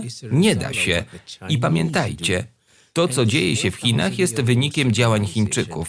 Ta mająca 4000 lat cywilizacja posiada własną wewnętrzną dynamikę. W tej chwili jest ona na wznoszącej i zamiast próbować odwrócić ten trend, Stany Zjednoczone powinny opracować zestaw reguł, według których mogłyby żyć i współpracować z Chinami. Tę radę sformułował Bill Clinton i ja go popieram. Dogadajcie się z Chinami, sformułujcie wspólnie zestaw reguł i nie próbujcie pohamować wzrostu Chin. Support the advice of Bill Clinton. Engage China, agree on a common set of rules, and don't try and stop China's rise. Your latest book is entitled Has China Won? with a question mark, Hmm. which I assume is a formal trick because you believe. Pańska ostatnia książka nosi tytuł Czy Chiny wygrały? Rozumiem, że znak zapytania na końcu to taka formalna sztuczka, bo wierzy pan, że Chiny już wygrały. Ale ten kraj ciągle ma przed sobą wiele wyzwań. Zadłużenie, spadek wzrostu gospodarczego, starzejąca się populacja, autorytarny sposób zarządzania gospodarką, co jak rozumiem pan nie uważa za problem. Dlaczego zakłada pan, że Chinom uda się pokonać te wszystkie problemy?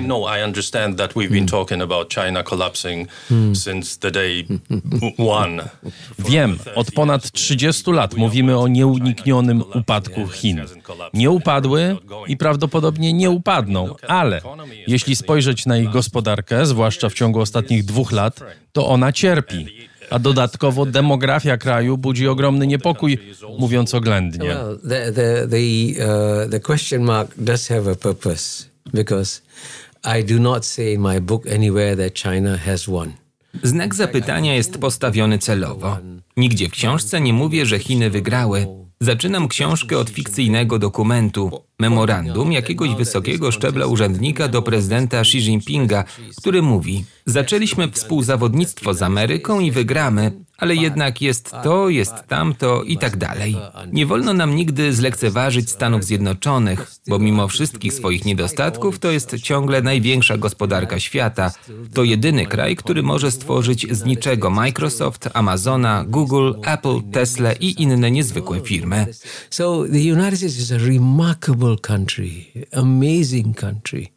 And for United for China to think it has won, I think it would be a serious strategic mistake on the part of the Chinese. And I don't I don't think the Chinese believe that they have. Stany Zjednoczone to jest cudowny kraj. I jeśli Chiny doszłyby do wniosku, że już wygrały to współzawodnictwo, to byłby poważny błąd z ich strony.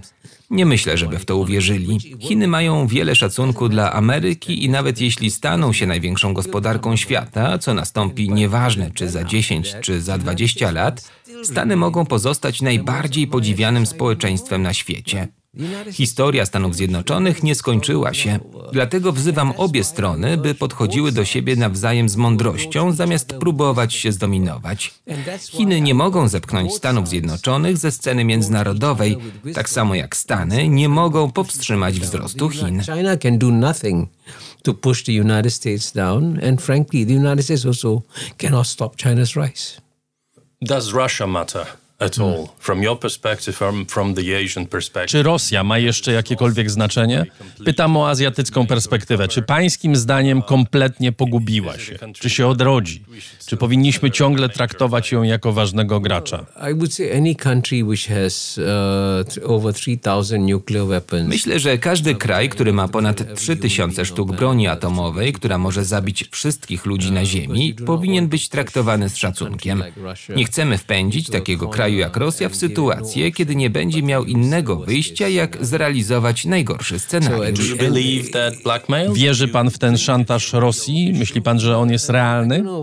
Real issue, but I don't think we want to also push countries around. And I mean, the the uh, at the end of the day, Russia has been around for many centuries. It will be around for many more centuries. Nie wiem, czy jest realny, czy nie, ale chyba nie chcemy pomiatać innymi państwami. Rosja jest z nami od wielu wieków i będzie przez wiele więcej. I zwracam uwagę, że europejskie i azjatyckie podejście do porządku światowego są całkowicie odmienne. Wy wierzycie na przykład, że po to, by przystąpić do Unii Europejskiej, każdy musi być taki sam. Tylko wtedy można dołączyć do klubu. Azjatyckie podejście mówi: właśnie dlatego, że jesteśmy różni, powinniśmy być w tym samym klubie. Musimy się zjednoczyć. And so I think the big mistake at the end of the Cold War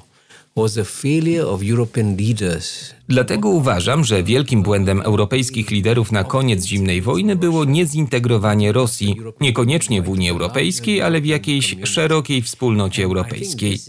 Myślę, że ten zarzut wobec polityków Europy będzie pojawiał się w przyszłych opracowaniach historycznych. Ale w Rosji mieszka tylko 140 milionów ludzi. Chiny są 10 razy ludniejsze, a zatem co robi Azja? Próbuje integracji Chin. Nie dlatego, że jesteśmy tacy sami, ale dlatego, że jesteśmy różni. Insist on creating a club where you join not because we're similar, but because we're different. Just to make it absolutely clear.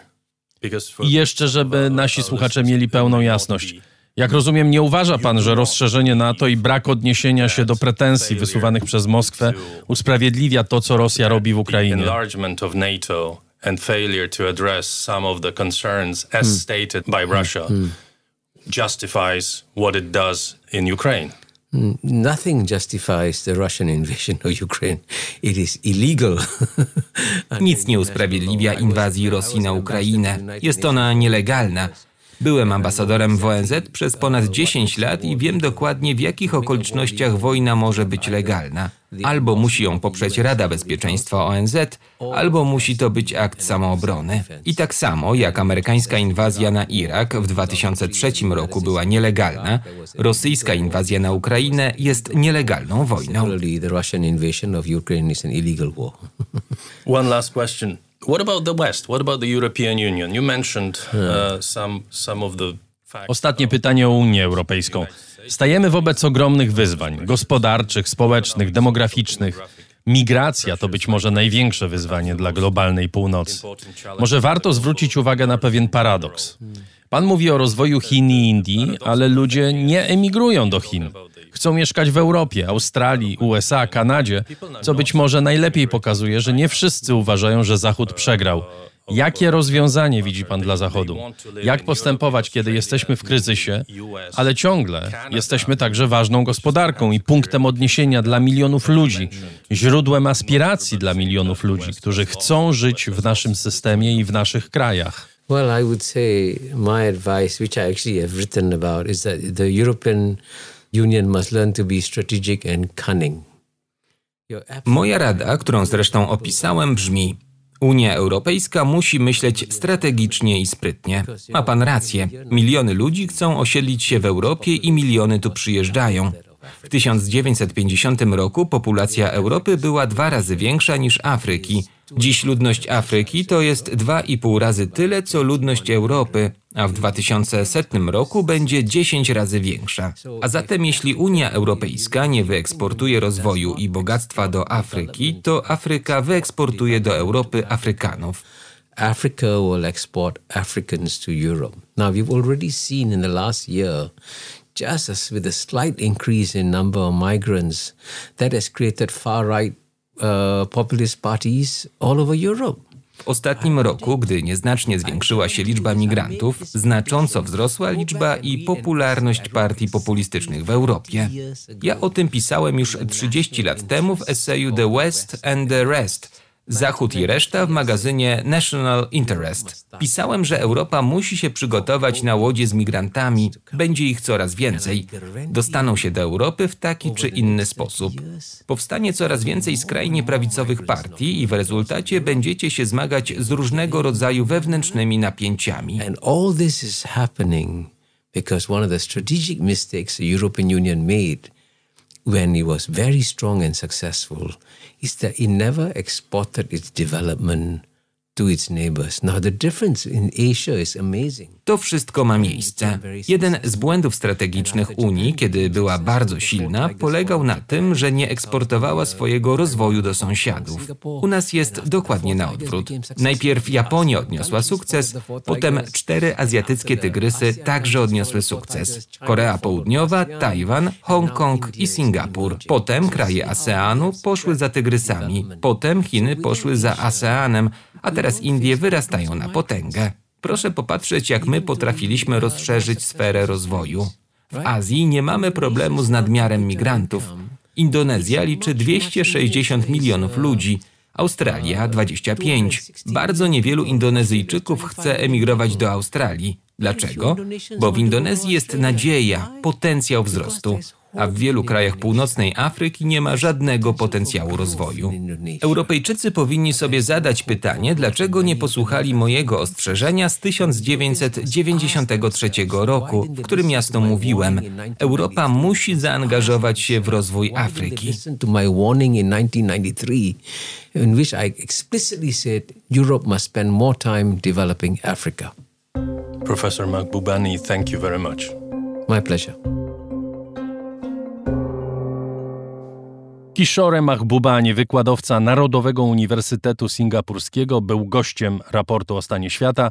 Marcin Pośpiech wystąpił w roli lektora. Dziękuję bardzo.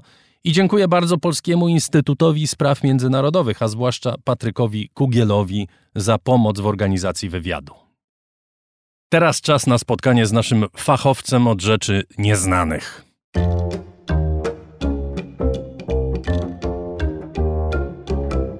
Rożek Urosiaka w raporcie. Rzeczy nieznane to w tym wypadku sztuczna inteligencja. Całe światy nieznane. Tomasz Rożek jest z nami, twórca kanału Nauka to Lubię. Witam Cię. Dzień dobry, dzień dobry. I o sztucznej inteligencji dziś porozmawiamy.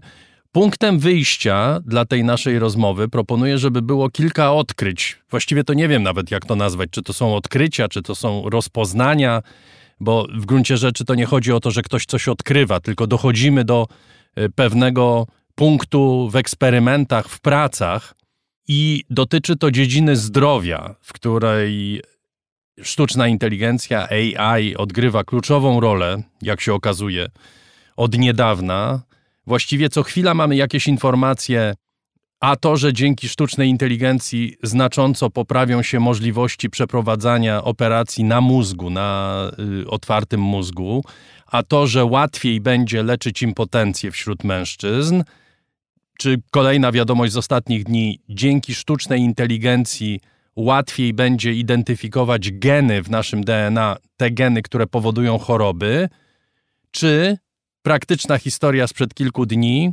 bardzo dużej wagi wiadomość i tak mi się przynajmniej wydaje, zaraz cię poproszę o komentarz w tej sprawie, ale dosyć niezwykła, mianowicie implanty wyposażone w sztuczną inteligencję, wszczepione w mózg, mogą spowodować, że przy pomocy myśli sparaliżowany człowiek odzyskuje możliwość poruszania górnymi kończynami, czyli rękami i palcami. Przed kilku dniami ta wiadomość obiegła świat dotyczy Szwajcara, który uległ paraliżowi. Wcześniej mieliśmy podobną informację, kiedy udało się dzięki takiemu implantowi spowodować, że człowiek zaczął ruszać nogami. To zdaje się jest mniej skomplikowane niż ruszanie palcami. Ale, tak. Tomku, jak ty to wszystko oceniasz? Znaczy, jak mamy patrzeć na tego typu wiadomości? Bo to jest, za chwilę się okaże, że w zasadzie sztuczna inteligencja jest w stanie ratować nas w niemal każdej beznadziejnej sytuacji. To taka współczesna wersja świętego Antoniego. O, tym świętym Antoni to naprawdę pojechałeś. Mm, wiesz, y, ja staram się dzielić to wszystko, co do mnie dociera w, w, tym, w, tych, w tych tematach, o których, o których ty wspomniałeś, na takie y, dwie podgrupy, czy takie dwie grupy tematów. Jedne to są zapowiedzi, że sztuczna inteligencja to zrobi, albo tamto, albo dzięki sztucznej inteligencji uda się to czy tamto. To jest jak gdyby, ja się w to wczytuję, to jest bardzo ciekawe, ale to jak czytam, to y, przypomina mi się y, to, co y, często moja babcia Gertruda mówiła, która mówi: papier jest cierpliwy, wszystko można na nim napisać. A komputer jeszcze bardziej. Ale jest jednak druga grupa wiadomości, w których nie tyle ktoś mówi, że coś się w przyszłości zadzieje, albo że potencjalnie ta technologia będzie mogła coś zrobić, tylko tu i teraz już coś zrobiła. Ja wolę oceniać potencjał technologii, czytając te drugie wiadomości niż te pierwsze. No dobrze, to z tej grupy, Tomku, którą wymieniłem, kiedy się mówi, że za dwa lata dzięki sztucznej inteligencji będziemy w stanie przeprowadzać operacje na mózgu, w których Dodajmy, przy przeprowadzaniu takich operacji wystarczy delikatny błąd lekarza i może człowiek umrzeć na miejscu, prawda? Delikatnie się nieprawidłowo poprowadzi skalpel i to jest kwestia milimetra i może y, to spowodować śmierć. Na mózgu chyba to tak nie działa. To bardziej na sercu tak działa, że milimetr w lewo czy w prawo i człowiek umiera. No dobrze, w każdym razie dosyć ważne funkcje człowieka mogą zostać zagrożone tak. przez błąd ludzki. Tutaj jest mowa o tym, że w ciągu dwóch lat będziemy w stanie przeprowadzać takie operacje, w którym sztuczna inteligencja po prostu nie będzie się mylić. To jest zapowiedź. A zapowiedź to ja wrzucam do tej pierwszej grupy wiadomości. Ale zapowiedzią nie jest to, o czym też zresztą wspomniałeś, operacja, którą przeprowadzono w Szwajcarii, dzięki której e, człowiek sparaliżowany zaczyna poruszać kończynami. Wcześniej to, o czym powiedziałeś, a ja wtrąciłem się niegrzecznie potwierdzając tak, e, bo wcześniej dzięki takim algorytmom, czy dzięki urządzeniu wyposażonemu w sztuczną inteligencję, osoba sparaliżowana zaczęła chodzić, normalnie się poruszać, stać pionowo, bez podtrzymywania, potrafiła utrzymać pion, potrafiła chodzić po schodach, a nawet potrafiła chodzić czy spacerować w takim trudnym terenie, gdzie czasami jest na płasko, czasami trzeba podnieść wyżej nogę, a czasami jest po skosie w dół, więc trzeba uważać, żeby gdzieś tam się nie przewrócić. Więc to są konkretne rzeczy. To, czy za dwa lata będzie mogła przeprowadzać operacje takie mega precyzyjne, no, urządzenia, które mają wsparcie już algorytmów, potrafią to robić już dzisiaj. Więc rozumiem, że za dwa lata, mam tutaj na myśli roboty chirurgiczne, w których jest oczywiście człowiek, w których jest pacjent, ale pomiędzy pacjentem a człowiekiem może być niemalże dowolna odległość. Ten ten człowiek, ten chirurg, ten lekarz nie musi być na miejscu, co samo w sobie jakby gigantycznie zwiększa e, możliwość operowania ludzi w miejscach, w których ludzi nie ma. E, nie ma specjalistów, ale są chorzy. Natomiast pomiędzy tym specjalistą, chirurgiem, a pacjentem jest urządzenie. To urządzenie to nie jest zwykłe urządzenie mechaniczne, w którym za pomocą jakichś kołowrotków, przekładni coś się dzieje w tym urządzeniu jest potężne oprogramowanie, które czasami recenzuje to, co robi lekarz. I czasami, jak robi rzecz bardzo, mm, jakby to powiedzieć, nieostrożną, na przykład przez pomyłkę, to trochę go wyhamowuje. Więc takie urządzenia już są. I takie urządzenia już działają. I te urządzenia uczą się znacznie szybciej niż człowiek, prawda? No i tu jest kwestia taka płynna, co masz na myśli mówiąc urządzenia, bo samo urządzenie, jeśli popatrzymy na e, jego mechaniczną stronę, to ono się nie uczy. Natomiast oprogramowanie tak, ono się może uczyć. No ja nie mówię, oczywiście, że nie mówię o skalpelu, który jest na samym końcu, ale mówię o tym oprogramowaniu, o tym algorytmie, tak. który jest coraz bardziej precyzyjny, który coraz mniej błędów tak. czyni na przykład dokonując operacji. Tak, tak. Znaczy, to jest oprogramowanie i to jest właśnie, to jest może moment, w którym warto by było mm, tak trochę z wyżyn na niziny sprowadzić hasło sztuczna inteligencja, bo pod tym hasłem może się kryć bardzo wiele różnych rzeczy. E, marketingowo hasło czy słowo inteligentne bardzo dobrze się sprzedaje, więc mamy inteligentne na przykład kurtki, które powodują, że jak pada deszcz, to nie przecieka woda, ale jak my się pocimy, to odparowuje, tak? Więc oczywiście ktoś, kto taki materiał wyprodukuje, chętnie go sprzedaje pod hasłem inteligentny. Natomiast my mówimy o wielu różnych rzeczach, natomiast dla potrzeb tej rozmowy jeżeli mówimy o algorytmach, to ja myślę, że będziemy bardzo, bardzo precyzyjni, jeśli powiemy, że sztuczna inteligencja to są takie programy, które analizują ogromne ilości danych i potrafią z tych danych wyciągać wnioski. I to jest w tym wszystkim istotne. I jedno i drugie, czyli analiza dużych, bardzo dużych zbiorów danych, i drugie, um, umiejętność wyciągania z tego wniosków. Jeżeli tak na to spojrzymy, to medycyna, jest takim polem, w którym na wielu, wielu punktach można takie algorytmy zastosować. Ty wspominałeś chociażby o operacji, która powoduje, że odpowiednio oprogramowany implant wszczepiony do mózgu czy na powierzchnię mózgu, wyposażony w odpowiednie elektrody, zahaczone czy przyczepione w odpowiednich miejscach, jest w stanie spowodować, czy jest w stanie wspomóc osobę sparaliżowaną, osobę po wypadku, tak że ona staje się w dużej części sprawna. Wierzę w to, wiem, że za rok będzie jeszcze sprawniejsza, a za trzy lata będzie całkowicie być może sprawna, za trzy albo za pięć. Gdzie tu jest ta sztuczna inteligencja? Już mówię, w tym implancie w mózgu, ponieważ normalny implant, czy normalny taki bym powiedział interfejs mózg-komputer, urządzenie, które tłumaczy to, co dzieje się w naszym mózgu, na jego powierzchni powiedzmy, na sygnał konkretny komputerowy. Największym wyzwaniem tego typu urządzeń jest odsianie szumu od istotnego sygnału i zinterpretowanie, co to znaczy istotny sygnał. Teraz potrafi to zrobić algorytm.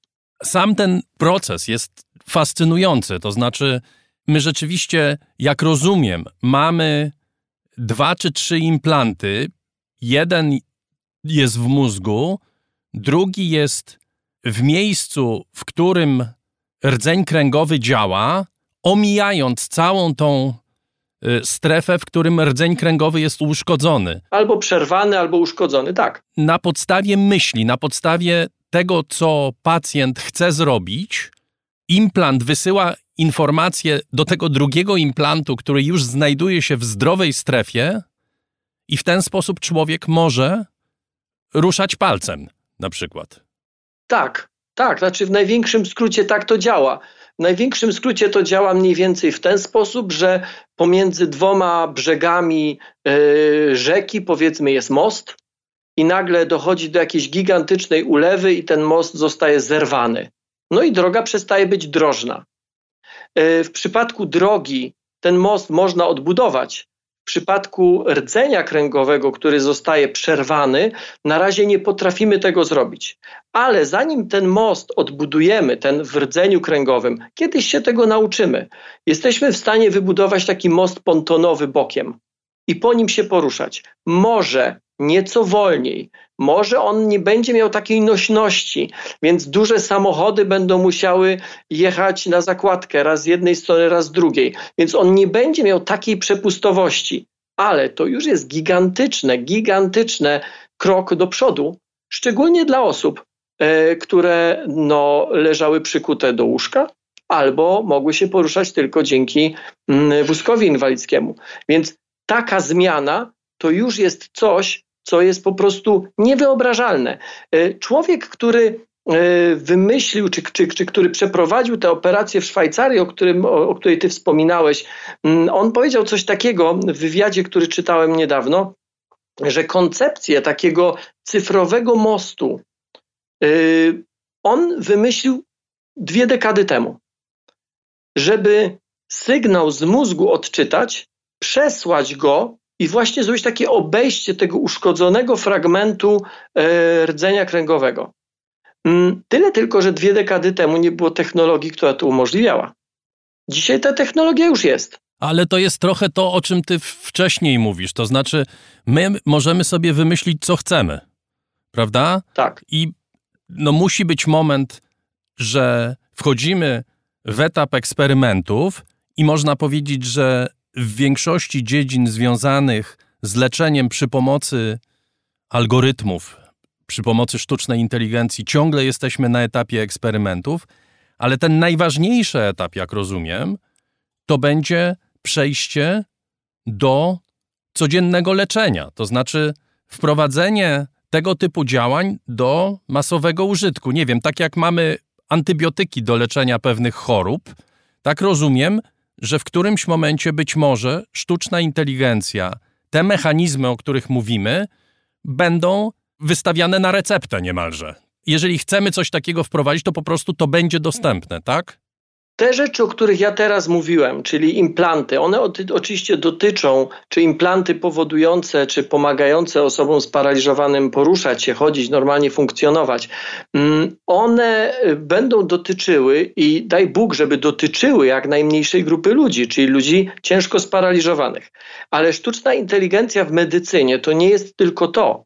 Y, już dzisiaj musimy mieć świadomość, że istnieją i to nie eksperymentalne, tylko algorytmy, potężne algorytmy, które wyuczone na odpowiedniej e, grupie zdjęć, na odpowiednim pakiecie zdjęć są w stanie rozpoznawać na przykład zmiany nowotworowe.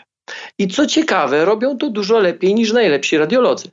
Dużo lepiej. I co ciekawe, rozpoznają czy znajdują te zmiany na zdjęciach, na których najlepszy radiolog jeszcze niczego nie widzi. Jak one to robią? Pada często pytanie. Ja, ja y, mam, czy, czy miewam takie popularno-naukowe wykłady dotyczące technologii, między innymi technologii sztucznej inteligencji. I jak mówię, jak pokazuję konkretne przykłady właśnie takich algorytmów, pada pytanie, jak one to robią? I odpowiedź nie jest oczywista, bo my nie wiemy, jak one to robią. To nie jest tak, że my jesteśmy w stanie prześledzić w dużym cudzysłowie, tutaj mówię, tok myślenia tego algorytmu. Przeciwnie, jakby ich wielkość polega na tym, że żaden inżynier czy żaden informatyk nie pisze tak jak w normalnym programie linijka po linijce kod komputerowy, przez który program się później prześlizguje. Tam nie ma wprost instrukcji. To jest raczej taka czarna skrzynka, ja zresztą tej analogii często używam, czarna skrzynka, do której my wrzucamy dane. A inżynier, informatyk tak budują powiedzmy te ściany skrzynki, żeby one miały pewną specyfikę, żeby one e, powodowały, czy żeby ten program dawał pewne odpowiedzi. Na przykład interpretował dane e, z aktywności mózgu, albo inny interpretował e, obrazy i wyszukiwał w tym ogromie informacji pewnych nieregularności. Te nieregularności mogą być różne. Na przykład u palacza płuca będą wyglądały inaczej niż osoby, która nie pali. Ale to, nie, to, że wyglądają inaczej, nie znaczy, że na którymś z tych obrazów są zmiany nowotworowe. Trzeba nauczyć taki algorytm odpowiedniej interpretacji, ale my już to potrafimy robić. I to już są potężne programy, które są gigantycznym wsparciem dzisiaj jutro będą jeszcze większym wsparciem dla lekarza. I tych przykładów jest naprawdę bardzo dużo, ale wszystkie one sprowadzają się do e, tego jednego zdania, które powiedziałem wcześniej: analiza dużych zbiorów danych i wyciąganie z nich wniosków. I nagle okazuje się, że nie tylko analiza jakich obrazów, bym powiedział, cyfrowych na zasadzie na przykład yy, zdjęcie tomograficzne, albo zdjęcie z tomografu, z, z rezonansu magnetycznego, ale także na przykład ocena stanów emocjonalnych. Są takie eksperymenty i te eksperymenty są niesamowite, które pokazują, z jaką ogromną precyzją, obserwując zachowanie człowieka, na przykład jego pismo ręczne, e, algorytm jest w stanie z dużym wyprzedzeniem i z bardzo dużym prawdopodobieństwem wskazać, że w przyszłości ta osoba będzie cierpiała na którąś z chorób neurodegeneracyjnych wieku starczego. Wtedy on już to widzi, te zmiany, niewielkie zmiany, widzi wtedy, kiedy jeszcze nie występują one na tyle wyraźnie, żeby jakikolwiek lekarz mógł je zauważyć. I to jest niesamowite. Poczekaj, poczekaj, bo czy to jest rzeczywiście tak, że my żyjemy w środowisku sztucznej inteligencji na tyle długo, żeby stwierdzić, że sztuczna inteligencja potrafi przewidzieć 5 lat wcześniej, że ktoś zachoruje na Alzheimera. Potrafimy tworzyć programy, które na podstawie e, zachowań ludzi są w stanie oceniać z wyprzedzeniem, czy są w stanie oceniać zmiany, które doprowadzą za 5 lat do choroby Alzheimera. I już mamy wystarczającą liczbę pacjentów wystarczającą liczbę danych, żeby takie wnioski wyciągać? Jeśli wierzyć w publikacje naukowe, które na ten temat czytałem, to tak. I wiesz, to jest najbardziej niesamowite w tym wszystkim, bo tych przykładów ja mogę opowiedzieć za chwilkę jeszcze o chociażby o, o algorytmach, które wspomagają farmaceutów, chociażby w poszukiwaniu nowych antybiotyków. Ale najbardziej niesamowite jest to, że być może przeze mnie teraz przemówi totalna naiwność, ale pozwól mi na nią. Pozwalam. Dotychczas, dotychczas zawsze było tak, że nowa technologia w medycynie, ona na wstępie była bardzo droga. Jej zreplikowanie było bardzo drogie. Ja pamiętam, bo wtedy akurat studiowałem zresztą fizykę medyczną na uniwersytecie w Polsce, kiedy do Polski przyjechał pierwszy tomograf, czy pierwszy, pierwsze urządzenie pozwalające robić rezonans magnetyczny. To było jedyne w Polsce.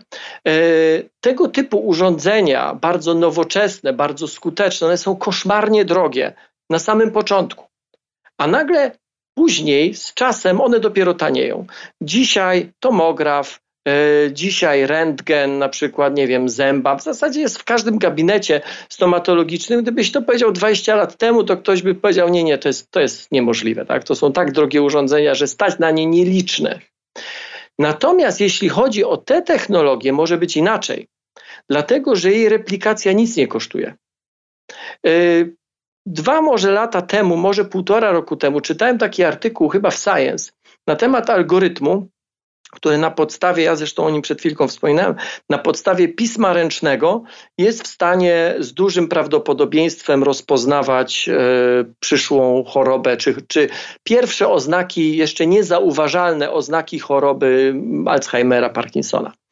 E, to, co trzeba zrobić, żeby się temu testowi poddać, to tak naprawdę napisać na kawałku papieru kilka zdań, a później sfotografować nie jakimś specjalnym urządzeniem, zwykłym telefonem komórkowym.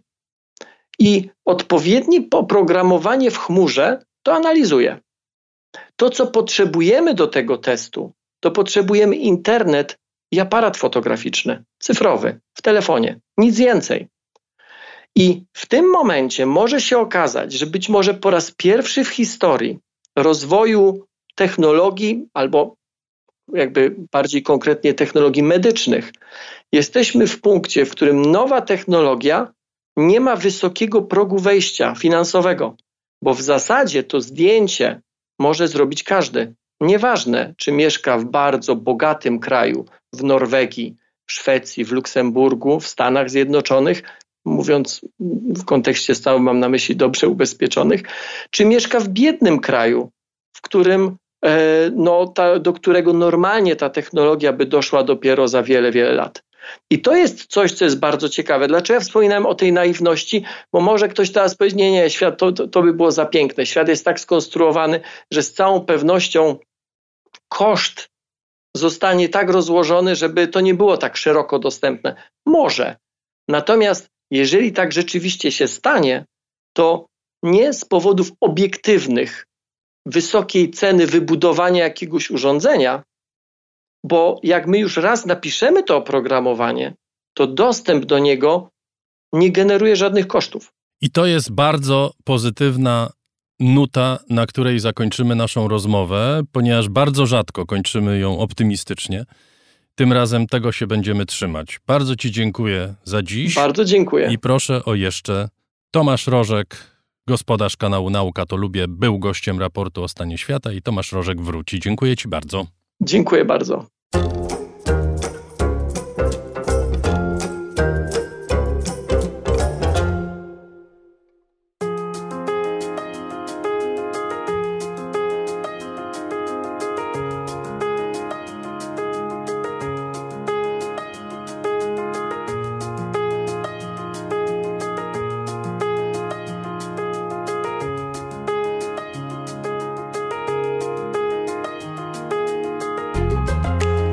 To już prawie wszystko w tym wydaniu raportu o stanie świata. Dziękuję wszystkim Państwu raz jeszcze za wsparcie, bez którego nie byłoby raportu. Przypominam, przyszły tydzień obfity, na bogato. Możecie nie słuchać niczego innego poza raportem, nie zmuszajcie się. Taki drobny eksperyment zróbcie, chętnie poznamy jego wyniki. Jeszcze raz. W poniedziałek raport o książkach, we wtorek opowieści arabskie Jana Natkańskiego, w środę raport na dziś i w sobotę, jak zwykle, raport o stanie świata. Jak się będziecie Państwo czuli, gdy będziecie słuchać raportu przez cały tydzień? Czy raport Wam wystarcza po to, by wiedzieć, co dzieje się na świecie? Adrian Bąk, Agata Kasprolewicz, Chris Wawrzak, Dariusz Rosiak mówią do usłyszenia.